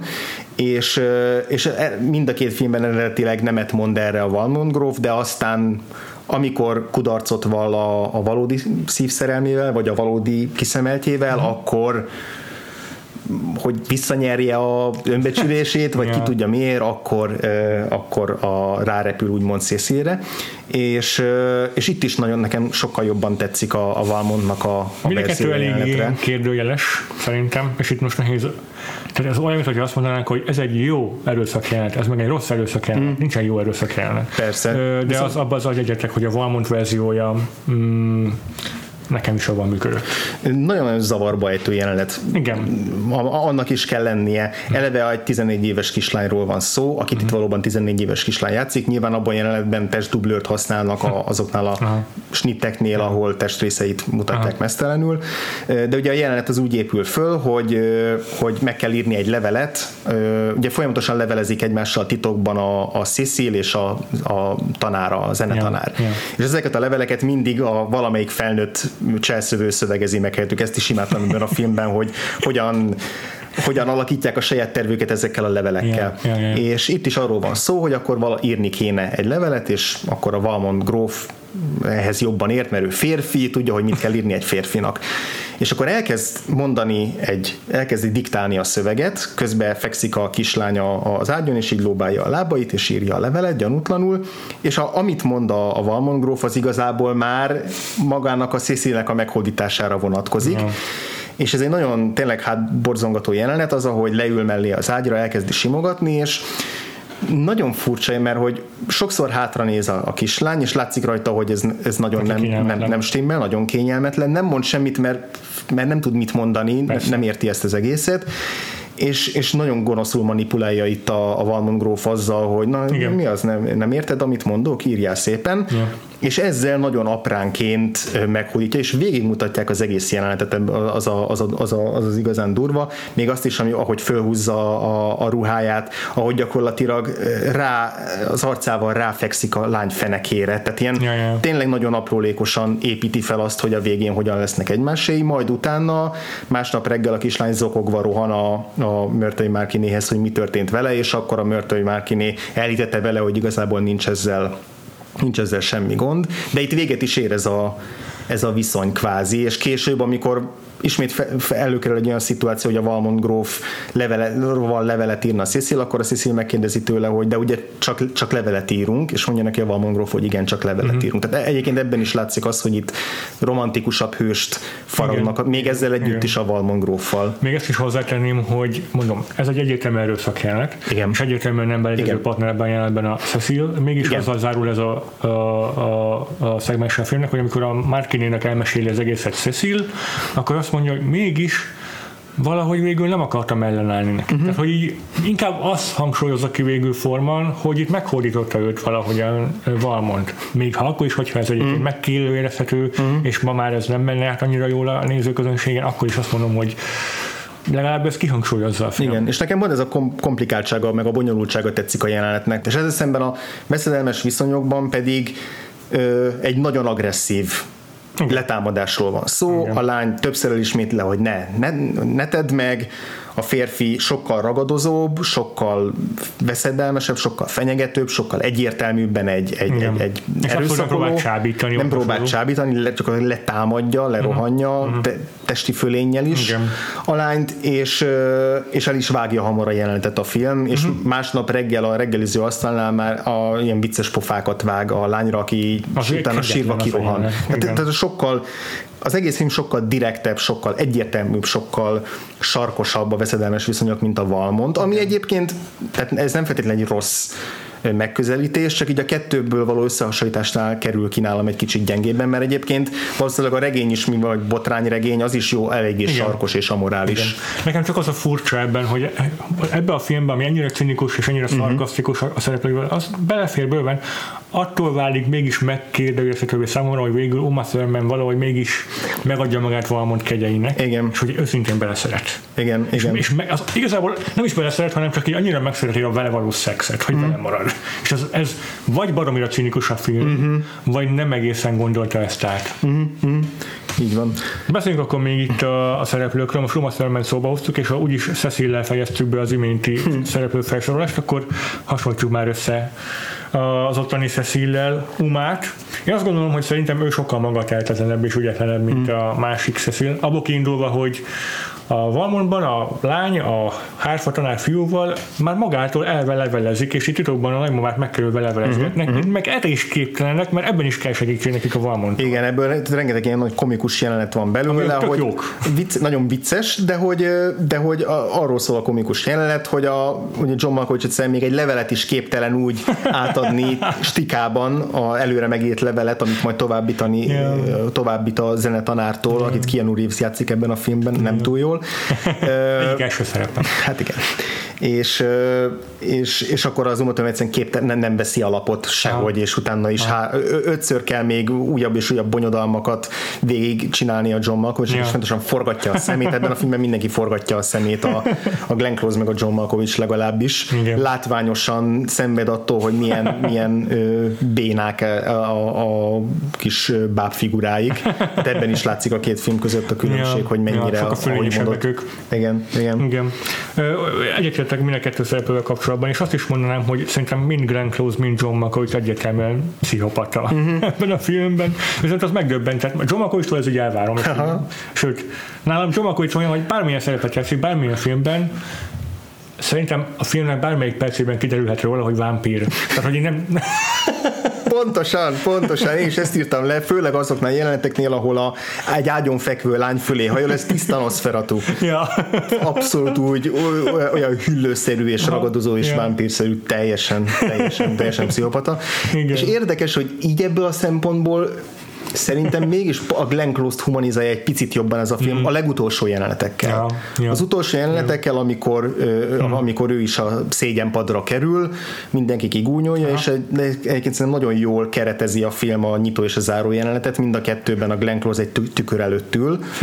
Mm. Az első jelenetben ott szépítkezik és mosolyog, és olyan, mint a gonosz boszorka a Disney mesékből, és, és a, a film végén pedig, amikor belenéz a tükörbe és leszedi magáról a sminket, miután miután megszégyenült, ott, ott látszik rajta a teljes össze, ott szerintem frenetikusan jó a Glenn Close abban a jelenetben, Igen. egész addig valóban egységúbb és, és gonoszabb, de mégis az ő, az, tőle hiszem el jobban azt az egy-egy pillanatot, amikor így megreped ez az álca még a film közben is, és valódi féltékenység, valódi félelmek jelennek mm-hmm. meg mhm. az arcán, hogy kicsúszik a kezéből az irányítás, és a film végén, ahol ez beigazolódik, hogy ő vesztett, sokkal jobban megüt, mint amikor egy pár jelenet előtte sikítozva rombol, amikor értesül a, a yeah. Valmonnak a haláláról. Igen, az kicsit nekem is sok volt talán. Tehát nekem az jutott eszem, az, az én tonnyában van egy nagyon hasonló jelenet, amikor a film vége felé a Margot Robbie belenéz egy tükörbe, és ugyanúgy a lecsorog a smink az arcán, Aha.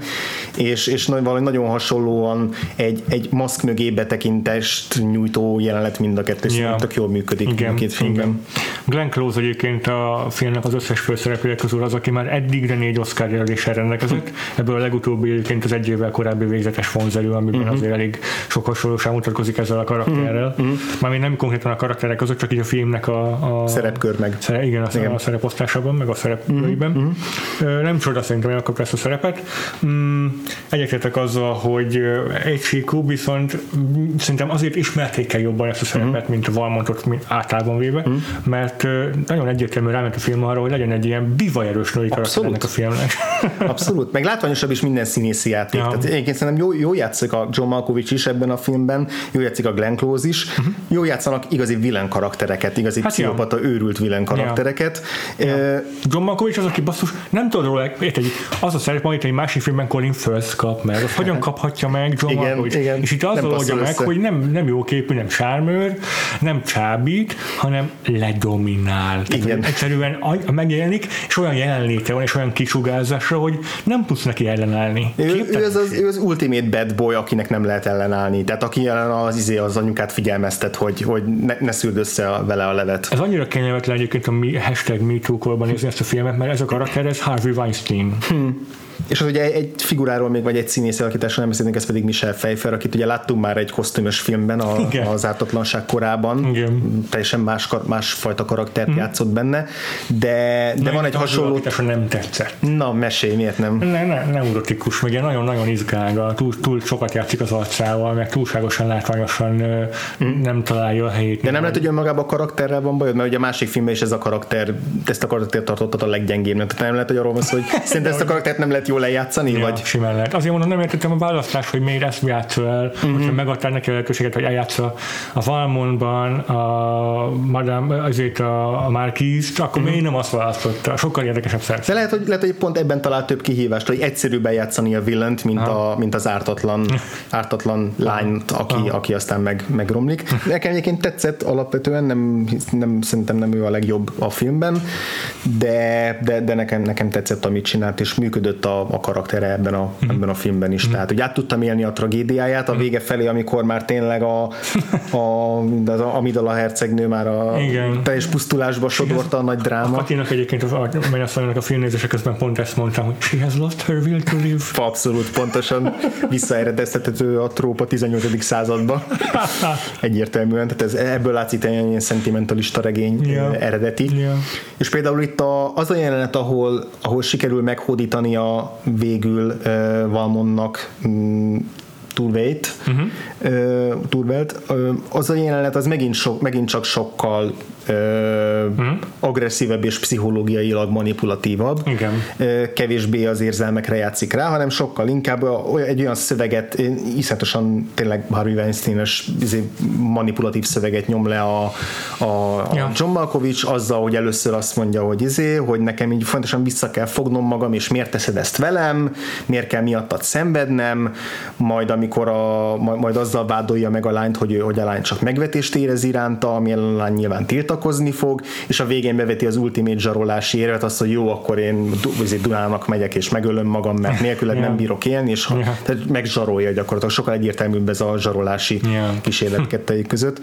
És, és szerintem részben ide is vezethető vissza az, hogy nekem gondolkoztam, hogy mi a alapvető különbség a két film között, így, hogy milyen témát fog meg ebben a történetben, és valahogy talán azt, azt, azt valahogy úgy, talán úgy fognám meg, nem tudom erről mi a véleményed, hogy a, a veszedelmes viszonyokban a vágyak kontra a kontroll a fő kérdés, tehát hogy mennyire enged szabad utat a vágyaidnak, és mennyire vagy képes kontrollálni Aha. magadat és mindenki mást is. Aha. Mennyire vagy képes ö, másokat manipulálni, ö, és, és a saját magad esetleges vágyai fölött is, vágyait fölött is uralkodni. Tehát egy dominancia, hatalom, kontroll. Uh-huh, a, a kontroll a fő kérdés a, a szerintem a Glenn Close karakterénél, karakterénél Igen, is. Értem, és a, a Valmondban pedig inkább az a kulcsmondat, amit többször föltesz a főszereplő, hogy hogy megváltozhat egy férfi vagy egy ember, tehát hogy lehetséges-e a változás. Az a film szerintem inkább ezt a kérdést teszi fel a Valmont kapcsán,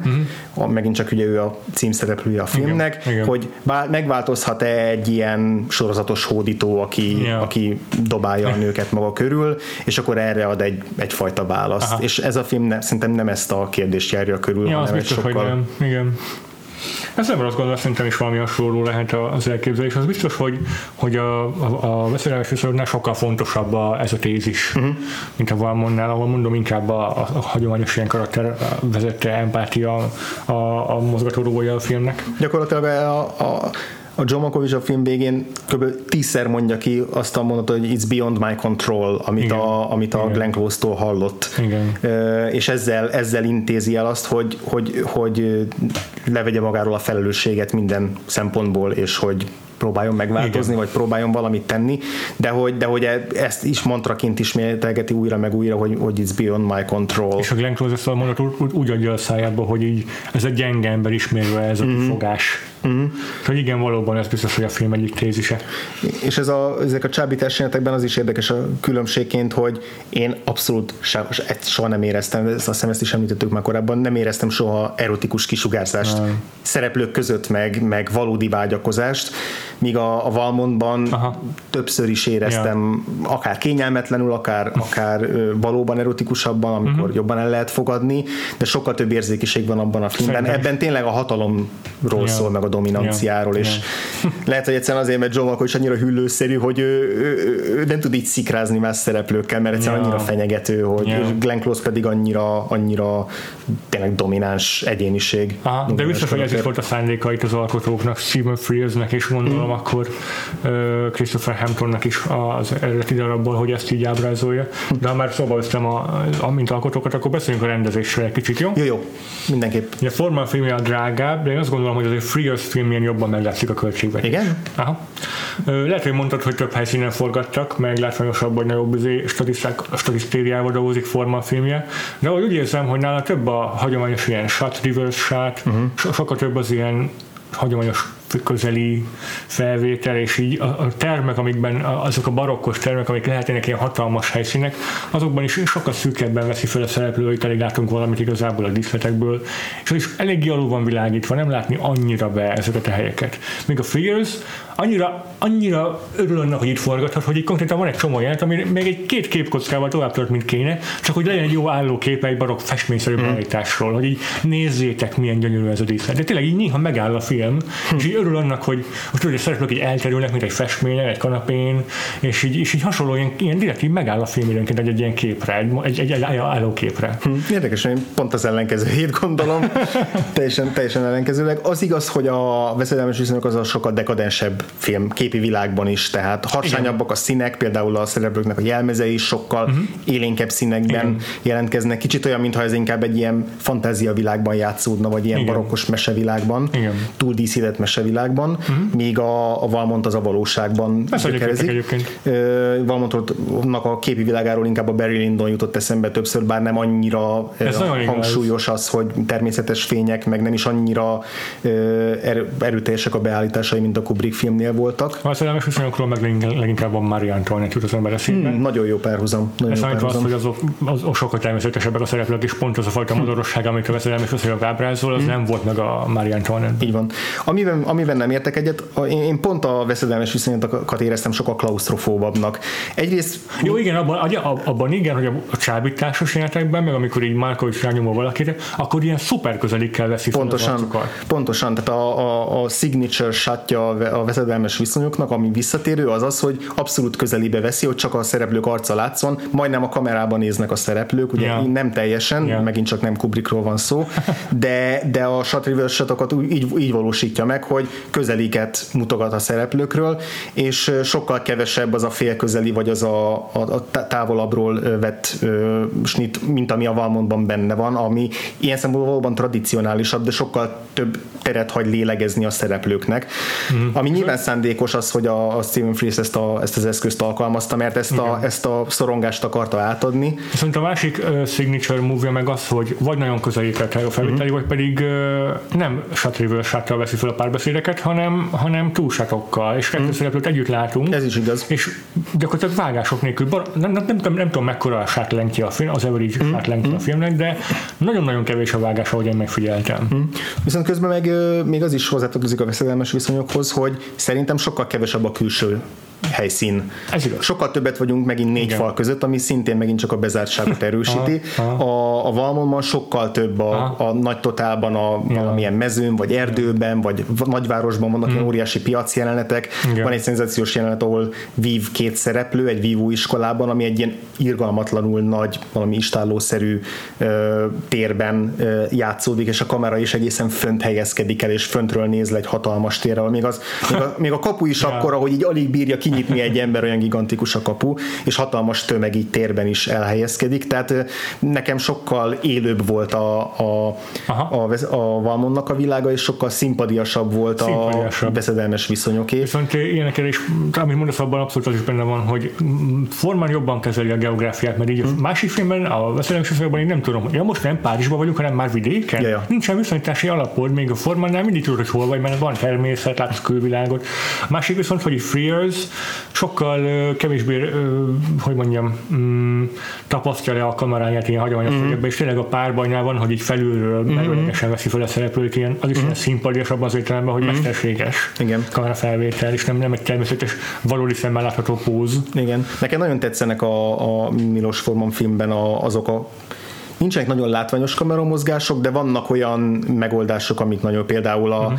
ahogy a, a házbelsőkben való mozgást ábrázolja, van egy jelenet, ahol a, a férőzabok elszalad azért, hogy kivegye a leveleket a, a kis titkos Aha. komódjából, és közben a, a, izé a, a Annette Benny meg ki akarja figyelni, hogy honnan veszi Aha. ki, és akkor ahogy azzal játszik, hogy melyikük éppen hol van, és a kamera melyik, melyik szögből veszi azt, hogy melyikük mit lát, Aha. és hogyan rohannak vissza, az nagyon tetszett, akkor a táncjelenetnél is említettem, hogy nagyon okosan a, hmm. támasztja alá a kamera az érzelmeket, a hmm. kamera mozgás, hogy mikor közeledik, mikor távolodik, mikor veszi őket közelről, tehát szerintem ebben nem csak néhány példát jegyeztem meg így, ja. de, de szerintem nagyon tudatosan ja. ö, dolgozik az a film is a, hmm. a, a, az operatőri munkával, amiben szerintem sok jobb a, egyértelműen jobb a, mondta az a vágás a veszedelmes viszonyokban vannak nagyon drabális vágások, ahol, ja. ahol így nagyon hirtelen ugrunk ja. át, snittek között nincs ja. kon, igazán kontinuitás, meg alapozva. A kohézió, igen. Meg kohézió.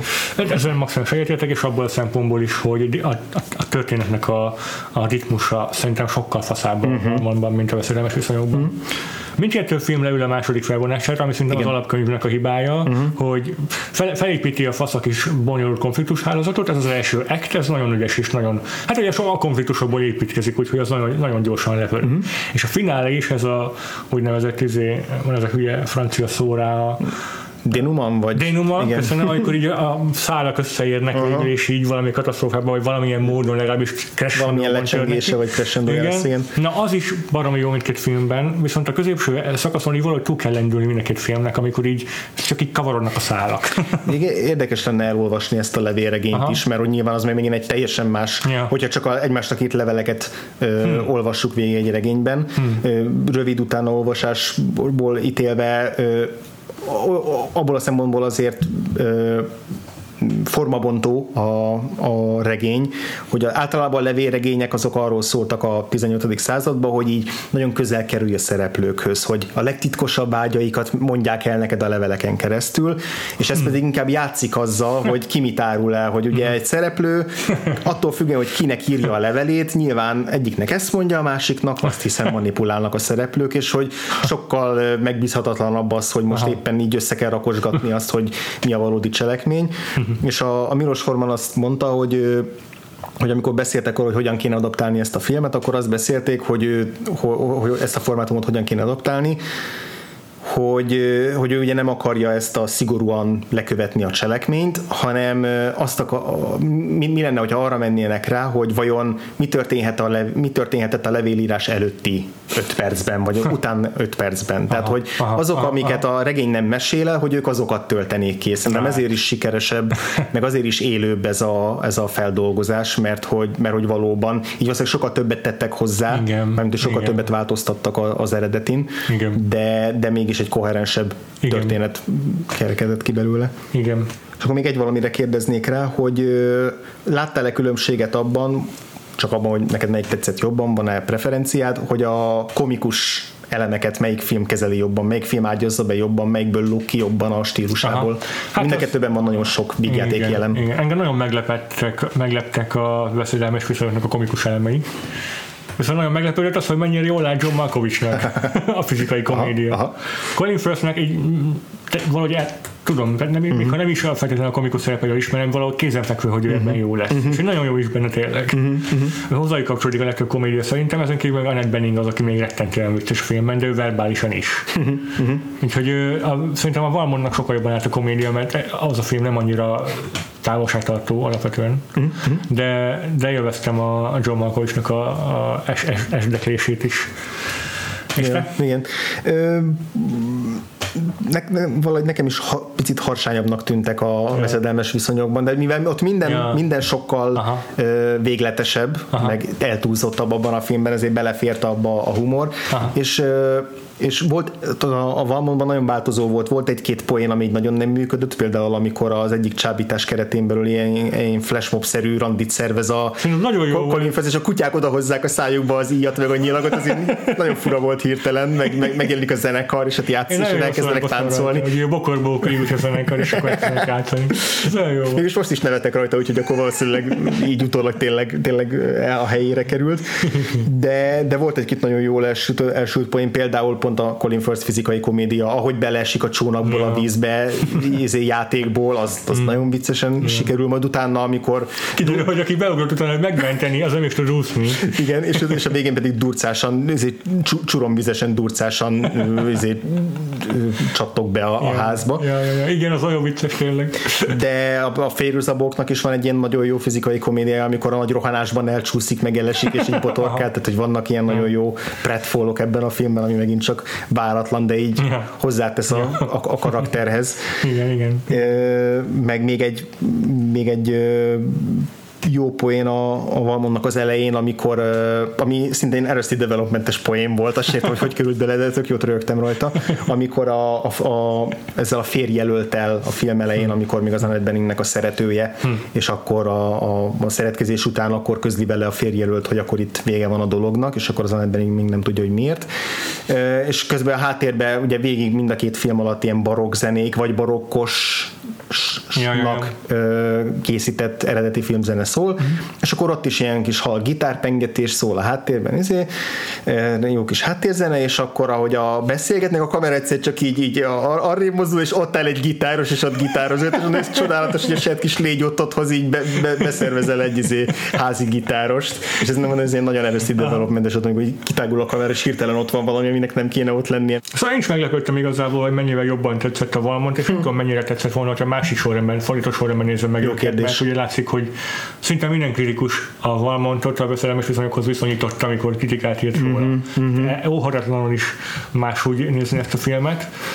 Mm, nagyon más történetek, nagyon más, hogy ragadják, nagyon más a tónusuk. Uh-huh. Mint itt az erőssége, hogy a tónust maximálisan amit kiválasztott. Igen, azt tartja. És, és, és hozza, igen. igen. De hogy abszolút megvolt az, hogy amikor elkezdtem nézni a Valmontot, akkor így én szerettem ezeket a 18.-19. századi ilyen romantikus kosztümös izé, drámákat, filmeket. ja, az ilyen intikus uh-huh. videók, ezek nagyon jók tudnak lenni. És, és így most, hogy nem volt kedvem így nekiülni ennek a filmnek, és a Valmont hogy az első negyed óra alatt így abszolút berántott a hangulatával, meg a szellemességével, a humorával, a figurákkal. Uh-huh Ehhez képest, hogy, hogy a veszedelmes viszonyokat egy nap eltéréssel néztem Így meg, van. azért úgy, hú, de fájt. Ez most miért? Ez most miért kell még egyszer? Igen, tehát ah. sajnos ez, mint ja. mondtuk, ez a, ez a hátránya ennek a ja. választott formátumunknak. Aki teheti, az válaszolnak kettő közül egyet, amelyik az elmondásunk alapján szimpatikusabb, és nézze meg, és a másikat még fél év múlva nézze meg, vagy nem tudom, uh-huh. ha még nem látta egyik esetben. Igen, még egy találós kérdés, mielőtt rátérünk a, Na. visszatér a box office gamünk Aha. ünnepélyesen,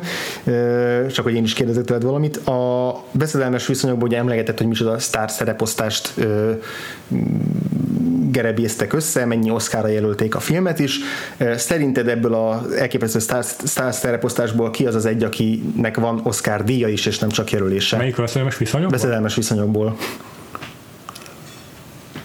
Hát nem az Uma Thurman, mert egyetlen egy jelöléssel uh-huh. díjazták eddig, akkor Glenn Close-nak rengeteg jelölése van, de szerintem nincs díja. Uh-huh. Ő, azt hiszem, híresen nem kapott soha uh-huh. díja. Uh-huh. Ja, Colin, ja, azt mondta a másik film. Ez a másik film. Uh, hát akkor John Malkovichnak? Uh-uh. Na. A válaszod nagyon fogsz rögni. Peter Capaldi. Aki Jó, ugye, tényleg, akit, nem, eml- nem, akit nem, nem említettünk, hogy ő játsza az inasát a, a John Malkovich ebben a film, és ez annyira vicces, hogy az egyetlen ebből a sztár szerepozdásból, akinek a rövid film rendezéséért van egy Oscar díja. Nagyon jó. De a másik film is egyébként hasonlóan póroljátok a szereplők, hát igen. csak Colin Firthnek van egy darab díja, a többiek jelölésekkel kell, hogy beírjék. Annak Benningnek is rengeteg van, nem tudom mennyi, Glenn biztos, hogy több, azt hiszem azóta van Glenn most már. Glenn tényleg sok, igen. Szerintem egy Benning azóta szedett össze négyet, uh-huh, de egy egyes se kapott díjat. Ha jól, ha jól emlékszem. Nagyságrendileg így állnak. Yeah. És ugye a Colin Firthnek ott van az Oscar még egy jelölés is a yeah. single man vagy melyiket. Uh-huh, uh-huh. Na, nézzük egy box office gémet. Én most úgy álltam neki, hogy megnéztem a a Dangerous Liaison-nak a, a, az a, én is így gondoltam, a, az amerikai premier legyen, igen. Bár volt amerikai premierje a Valmonnak is, de egy hétvégét volt benne az amerikai mozikban, és nem, nem egy szignifikáns uh-huh.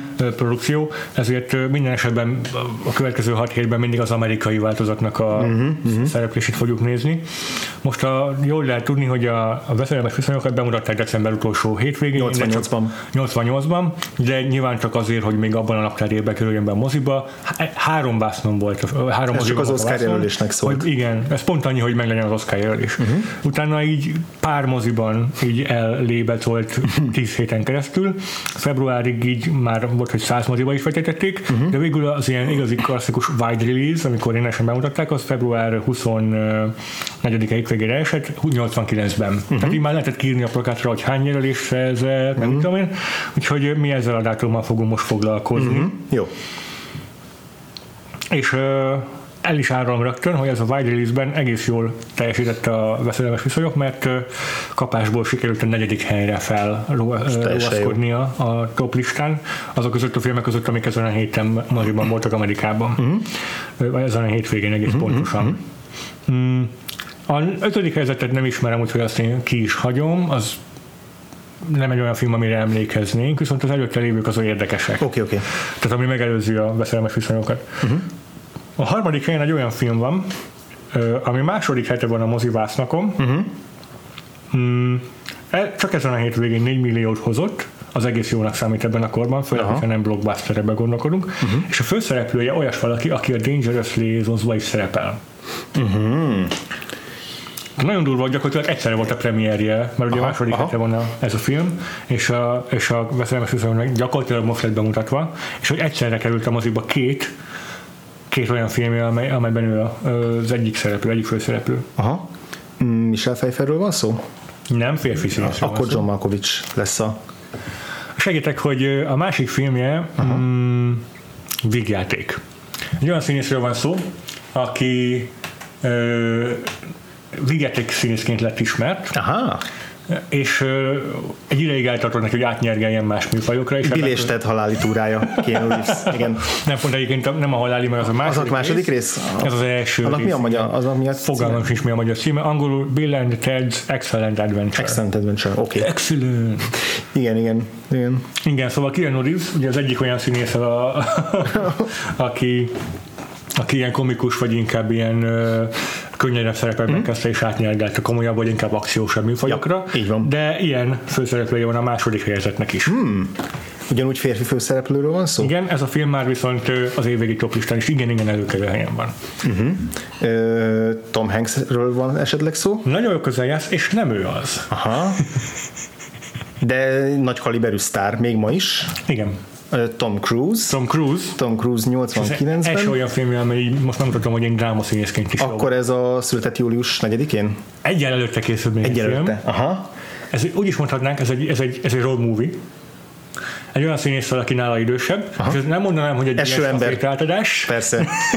Eső ember, ahol játszott el, meg a mellékszereplőt, de hogy, igen. Hogy Tom Cruise felnőtt a drámai szerephez, az uh-huh. Dustin Hoffman meg elkezdett játszani még játékokban, mint a későbbiekben, a, uh-huh. amiben gyakrabban felbukkan. Na az első helyen megint csak egy ilyen színész van, mint Keanu Reeves vagy Tom Cruise. Mm, nagyon jó, és még nem hangzott el a neve? és az ő karrierje olyan értelemben később rendült át a drámára, hogy itt még bőven egy végjáték. Itt még bőven végjáték szereplő. Aha. Mm, ma is még aktív, uh-huh. aktív színészről van Igen. szó, komikus színész, mm, itt fiatal volt. Idősebb Tom Cruise maga a színész, Aha. szerintem legalább tíz évvel. Bill de Murray érdekes, esetleg? Módon, érdekes módon mégis később került át a drámákra. Aha, Bill Murray? Nem. Nem Bill Murray, fehérbőrű színész? Igen. Aha. Ja, és amikor átváltott drámákra, akkor onnantól kezdve Egyértelmű dráma, vagy még játszott ugyanúgy vigyátékokban is? Hát gyakorlatilag egyből történt a váltás, és így visszafordulás nélkül. aha, aha, tehát magyarul se nem Robin Williams, se nem Jim Carrey, mert ők, mm, van. ők azért továbbra is maradtak a vigyátéknál. Ha, érdekes. Mm, Oscar Díaz színész? Aha. De nem Tom Hanks még mindig. De. Kérdeztem az előbb, hogy már beszéltünk-e róla. Az még a Rainman kapcsán kérdezted. Ej, csaló! Azt nem kérdezted, hogy beszéltünk-e róla szerintem. Vagy csak nem hallottad, az is lehet. Na mindegy. Szóval Tom, szóval Tom, Hanks, hogy ez Tom Hanks 89-es filmje, ö, táncol benne zongorán? Nem tudok ilyenről. Ezt, én, ezt, a, ezt a filmet nem láttam, bevallom. Aha. A magyar címe amúgy szerintem sokkal kreatívabb, mint az angol. Az angol cím az borzasztó béna. Aha, jó, tehát ö, 80... És azt is elárulom, hogy van egy partnere a filmben, uh-huh. női partnere, nem tudom a szereposztásban, hogy ez most pontosan mi közöttük a viszont valami, hát ugyanaz a vezeték nevük, szóval vagy házasságban vannak, vagy családtagok. A karakterek? Ö, a karakterek, viszont uh-huh. a színésznő nagyon keveset szerepel ö, moziban. Uh-huh. Van egy blockbuster, ami nagyban a ő nevéhez fűződik, azon uh-huh. kívül csak így elvétve szerepel filmekben is. Inkább a, a kulisszák mögött szokott besegíteni. Aha, aha. A... És már foglalkoztunk vele a Vagfolt podcastban. Hú, ez tök jó. Kulisszák, kulisszák mögött. um, jó, igen, tehát akkor amiket ki lehet zárni a 80-as évekből, nem a Big, uh-huh. mert a, abban táncol zongorán. Ne. nem. És, ezut- és ezután jöttek még ilyen nagyobb sikerei, amiket egyébként mi jobban ismerünk. Igen. Hát ez a film, ez viszonylag még korai szerepe. Uh-huh. Hogy is mondjam, kicsit ilyen sötétebb végjáték, vagy van egy ilyen nagyon furcsa premisszája. Uh-huh. Ilyen... Nem is az izé a Daryl Hanás, mert ugye a Daryl Hannah ő színészként, nem a, nem a sellős filmje, ah, de volt az a filmje, amiben leszakad a, a az, egy az emelet, film, az egy későbbi filmje. Meglepő módon, igen. Mondom, ezután még jöttek elég komoly blockbuster ilyen végjáték tényleg legalábbis Tom Hanksnek, és ez, az, azt még megelőzi. Hmm? Joe versus the Volcano. Az is későbbi. Az is későbbi, későbbi ezek bizony. mind későbbiek.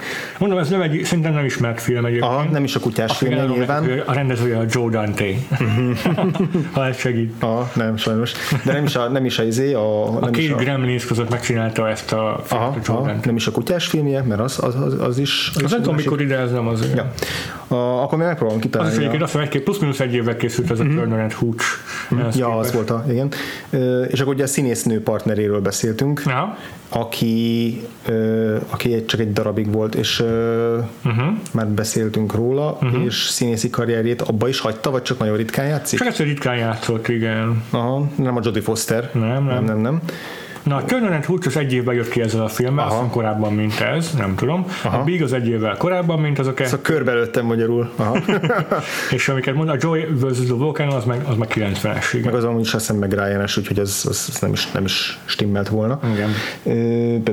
Tehát ha a kamerák mögött, a, vagy a kulisszák mögött, akkor az inkább rendezni szokott? Nem. Írni szokott elárulom. Aha. Vannak saját forgatókönyvei, de inkább besegít. Mm-hmm. Él még ez a színésznő? Nem. A Carrie Fisher? Mm-hmm. Ah, igen. a forgatókönyvről már rájöttem, meg a, a postcardsról beszéltünk, viszont ja, ez nem a postcards. képzeld el, Bruce Dern. Hmm. és Corey Feldman is benne van a filmben. Corey aha, Feldman. Ezt nem ismerem szerintem ezt a filmet. Nem. Az a cím, hogy ami sokat sok Aha, és mi az eredeti? magyar címadás. The Burbs, The Apostroph Burbs. Ah, ezt nem ismertem. Ilyen kisvárosi vígjáték, amiben a szomszédba beköltözik egy sátanista szekta. Wow, ez tényleg mert sötét premissza. Igen. És akkor mi volt még az ötödik film? Az ötödik film, én bevallom, nem ismerem, az a címe angolul, hogy The Three Fugitives, és azt hiszem magyarul is háromszor kevény. Aha. Két színész, meg egy gyerek van benne, egy gyerek lány színész, uh-huh. és akkor ez egy ilyen végjáték. Aha, aha. De nem tudom, hogy mennyivel eredetibb, mint az ilyen Tom Szelekes végjátékok, uh-huh. de, uh-huh. de gondolom azonnak a örvén abban a készült hullámban aha, aha. is. És van még a 6-tól 10-ig valami érdekesség? Ö, megnézem neked gyorsan, megmondom őszintén, nem értem. Már csak egy játékon Szerintem kívül. Szerintem a nyitó hétvégén amúgy nem valószínű, mert uh-huh. azért Hát na, sok minden nem marad meg a, azért köztúrabban ezek közül ja, ja, a filmek közül. Inkább kíváncsiságból, hát ha van Aha. valami Aha. ismerős. Már is. De ugye februárról van szó, akkor ott pont az ilyen holt szezon utáni. Ja, ja, igaz, jogos. Hát én ebből szinte semmit nem ismerek, és uh-huh. meglepő címek vannak itt, olyanok, mint a Beaches, uh-huh. öblök, partok, nem Aha. tudom. Cousins, ezt se vágom. Aha. Van a, a Légy 2. Vov. Till van ilyen film. Aztán Working Girl, amit azért jobban is Igen, igen.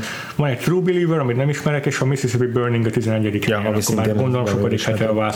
Ja, Igen, 12. hete szóval igazából. A Working Girl meg gondolom már lecsúszott, mert az tudja, hogy egy darabig az Persze, jó, igen, sokkal előrébb tartott. Van, igen, az, igen, igen, igen, igen. igen, hatalmas bevétel, 50 milliót szedett össze összesen a Working Girl. Ja, igen. A Mississippi Burning meg majdnem 100 milliót. Azt a kurva.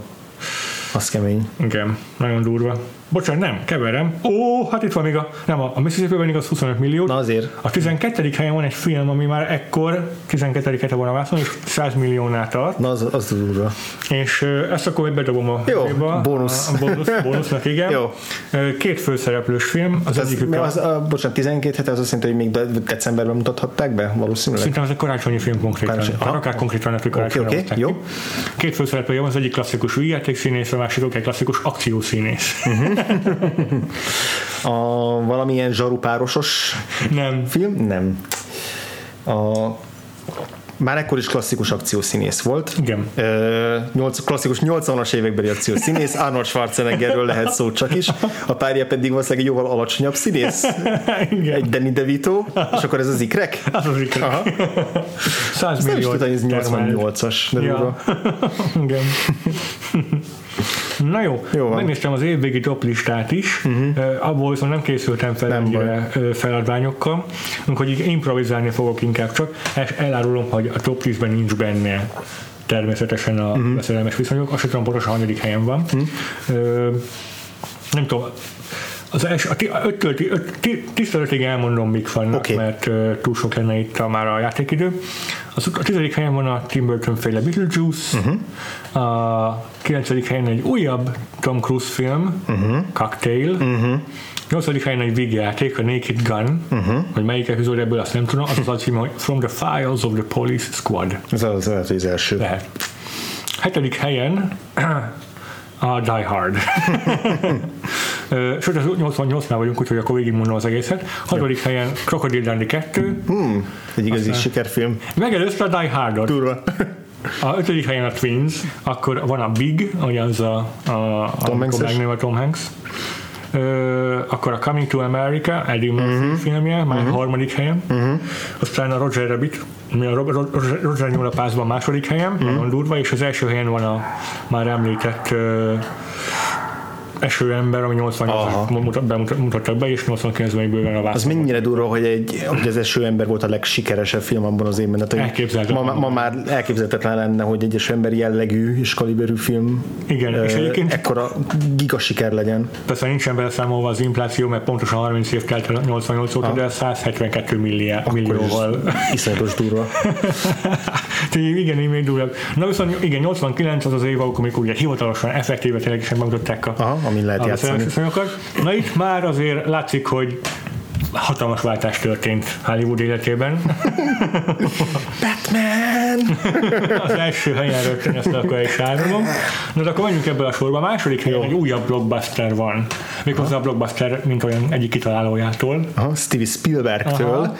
89-ben melyiket csinálta Ez egy 89-ben? franchise egyik része. Indiana Jones és az utolsó keresztes lovag. Tökéletes. Harmadik helyen ismét egy franchise, uh-huh. ez viszont nem az ilyen blockbuster típusú franchise, csak nagy sikerű, de genre-film. Uh-huh. Egy olyan genre-film, ami valamelyest rekonstruálja a saját genre-ét. Két főszereplővel rendelkezik, Na várjunk. van humora, de azért inkább komoly. Aha. Ö,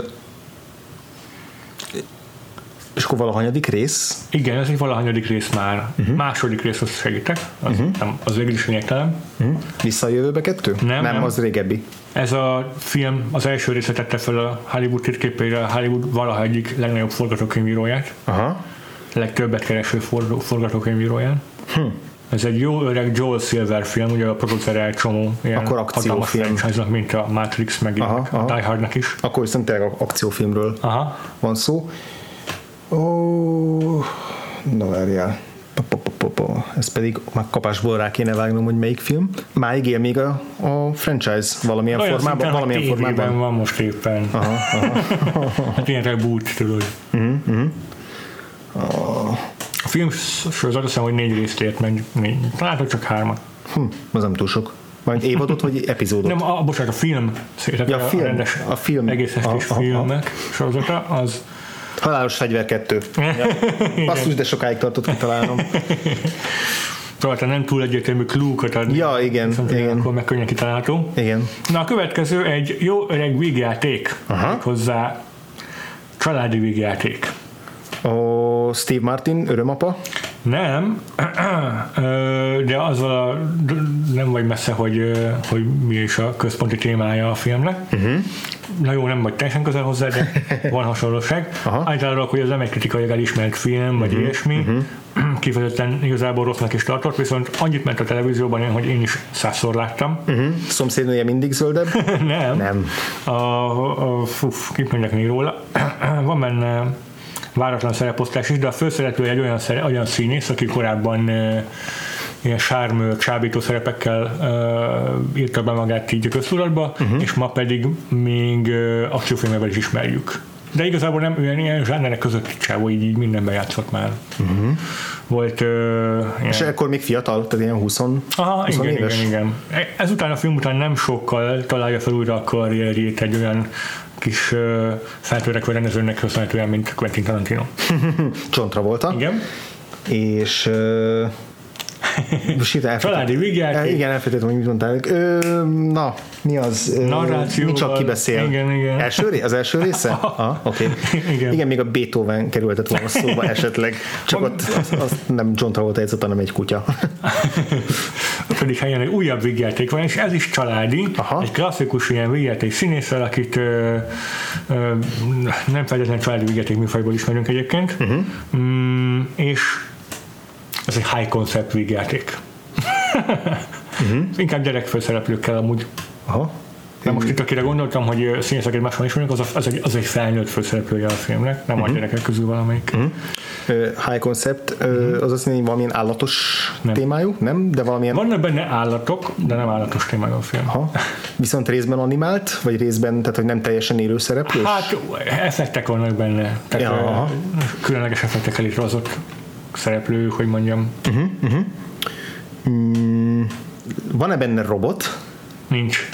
Összemennek-e benne szereplők? Aha. Aha, akkor a Rick Moranis Aha. féle a, a, a apám összement a drágám a kölykök, drágám a kölykök összementek, igen. Igen, angol is az a címe, a Honey I Shrunk the Kids. Ja, ja.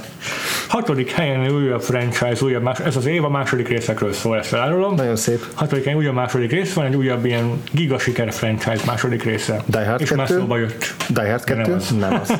Ahhoz még túl korai lenne. Szerintem igen, az túl korai lehet, mert az, az egy év lenne a Aha, különbség ja, a kettő ja. között de már volt róla szó, a siker második rész. A rendező is visszatér, az író is visszatér, mindenki visszatér ebben a második részben. Egy uh-huh. olyan franchise, amiben uh-huh. így konzisztensek voltak az alkotók. Uh-huh. Akciófilm? Nem. Science fiction. Uh-huh. Ifjúsági science fiction. Aha visszajövőbe kettő. Aha. Azt, igen, már csak, az csak, nem, csak az, az csak ez hanyadik, hatodik hely? Igen. Ötödik? Igen. Ah, ez érdekes, hogy csak, csak idáig kúszott ja. fel. A második rész az nem volt akkora siker. Aha, aha, aha. Na, a hetedik helyen egy újabb olyan második rész van, ami nem volt akkora siker. Hihetetlen. És maradunk a science fictionnél is, aha. meg ennél a könnyed hangvételnél is, amit a, a visszajövőben megütött már. Uh-huh, uh-huh. És itt is olyan szereplővel van dolgunk, akinek a neve már elhangzott. Valamelyik topistás filmben, vagy? Igen, igen. Uh-huh. Valamelyik topistás filmben egy ilyen karrierjét már feltaláló, újra feltaláló figuráról van szó. Uh-huh. Valaki, aki, komikus, aki komikusból drámai színész lett. Aha. A Tom, nem Tom hanks nem, nem, nem, volt második része. Ugye mondtuk, hogy ebben a évben kettő Tom Hanks film is volt, de most ez nem ja, ja, igen. Um, gondolkozom, hogy Robin Williamsnak se voltak második részei. Uh-uh. Szerintem meg Jim Carrey-nek se, tehát ezek. És ennek a színésznek se voltak igazán más részei, az is fura, hogy ez elkészült. Ha, aha, és az első rész az nagy siker volt uh-huh. ebből? Uh-huh. Készül belőle egyébként több? Azt mondta, hogy csoda, hogy a második elkészült, akkor valószínűleg nem. Igen, de adaptálták, tudom, tévére, meg ilyenek azért voltak. Animációs formában adaptálták tévére. Fóha. J. Michael Straczynski nevéhez fűződik az animációs adaptáció.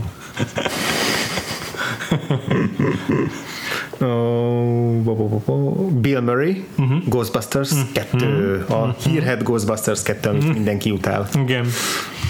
Na, a nyolcadik helyezetről nem tudok semmilyen információt, már ismerem a filmet, de nem láttam őszintén szóval, és uh, amit tudok róla, az annyira egyértelmű, hogy ezt, miről van szó, hogy túl könnyű kitalálni. Aha. Egy újabb két főszereplős darabról van szó. Jó. Férfi meg egy női főszereplő, és okay. a korkülönbségi szerepet játszik közöttük. Uh-huh. Férfi idősebb, nő fiatalabb? Fordítva. Fordítva. Aha. Nő idősebb, férfi fiatalabb. Romantikus film? Á, nem. Uh-huh. Inkább egy másfajta kapcsolat van közöttük. Uh-huh. Ez mára már egy elég ellentmondásossá vált film, annak idején nagyon örült neki mindenki. uh-huh. ilyen lelkét simogató, megnyugtató. Oszkáros film? Abszolút. És akkor nem olyan sokkal idősebb az egyik szereplő, mint a másik? Azt nem tudom. Szerintem sokkal idősebb az egyik szereplő, mint a másik. De a Miss Daisy sofőrjéről van szó? Aha. Morgan Freeman mindig is öreg volt.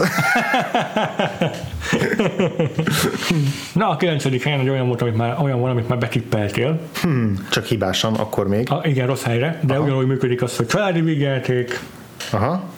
És mit mondjak még ezen kívül? Ez a színész nem váltott át a drámára. Steve Martin, örömapa. Igen, első rész? Parenthood. Kivételesen az első rész. rész. Igen, igen. és akkor a tizedik helyen megint egy olyan színész, aki vigyátékokkal lett ismert, de átváltott a drámára, na ez az egyik drámai szerepe. Aha. Robin, és már nagyon sokat emleget. Robin igen. Williams és ez a Jó reggelt Vietnám nem lesz. A másik. Nem a másik, a Holdkötők társasága. nem sikerült egyből. 80-as évek vége azért nagy fordulópont volt. Ja, igen. Ez ennek a színésznek a karrierjében. Keanu Reeves, meg Tom Cruise, meg hmm. Tom Hanks, meg mm-hmm. Bill Murray, mm-hmm. meg uh, Robin Williams, mindenki így kezdett el felkapaszkodni egy másik, igen. más ázsióba, vagy nem tudom. Igen. Érdekes. Igen. Na hát ez volt az első Vakfolt versus a második évadból. Uh-huh. Jövő héten találkozunk is. Két hét múlva találkozunk ismét. Köszönöm, hogy mutogatod nekem, András. Két hét múlva egy olyan film van, amit szintén viszont, viszonylag kényelmetlenül fogunk tudni végignézni, mert hogy embereket rabolnak el bennük. Uh, jajaj. A film címe nyomtalanul, uh-huh. és kettőször is elkészítették. Először Európában, utána Amerikában. Uh-huh. Ez, ez a... egy az egyben egy remake, amit meg fogunk nézni. Azt hiszem The Vanishing az eredetének a címe, és Vanishing Point a... Nem, mind a kettő Vanishing, vanishing csak uh, Spurlos, vagy nem tudom, hogy kell kimondani, nem tudom, hollandó, vagy a francia, ugye milyen nyelven. Jó, majd két hét, két hét múlváig betanuljuk. Ja. Akkor kicsit majd találkozunk, addig elérhetők bennünket a Facebookunkon, a weboldalunkon, a Twitterünkön. Googlizzátok meg! Már tudjátok a ja. menetet tavaly óta. Ja. Bár hogy eltelt egy év, de vissza fogtok rázódni szerintem. Menni fog. Bízom bennetek. Addig is sziasztok. Sziasztok.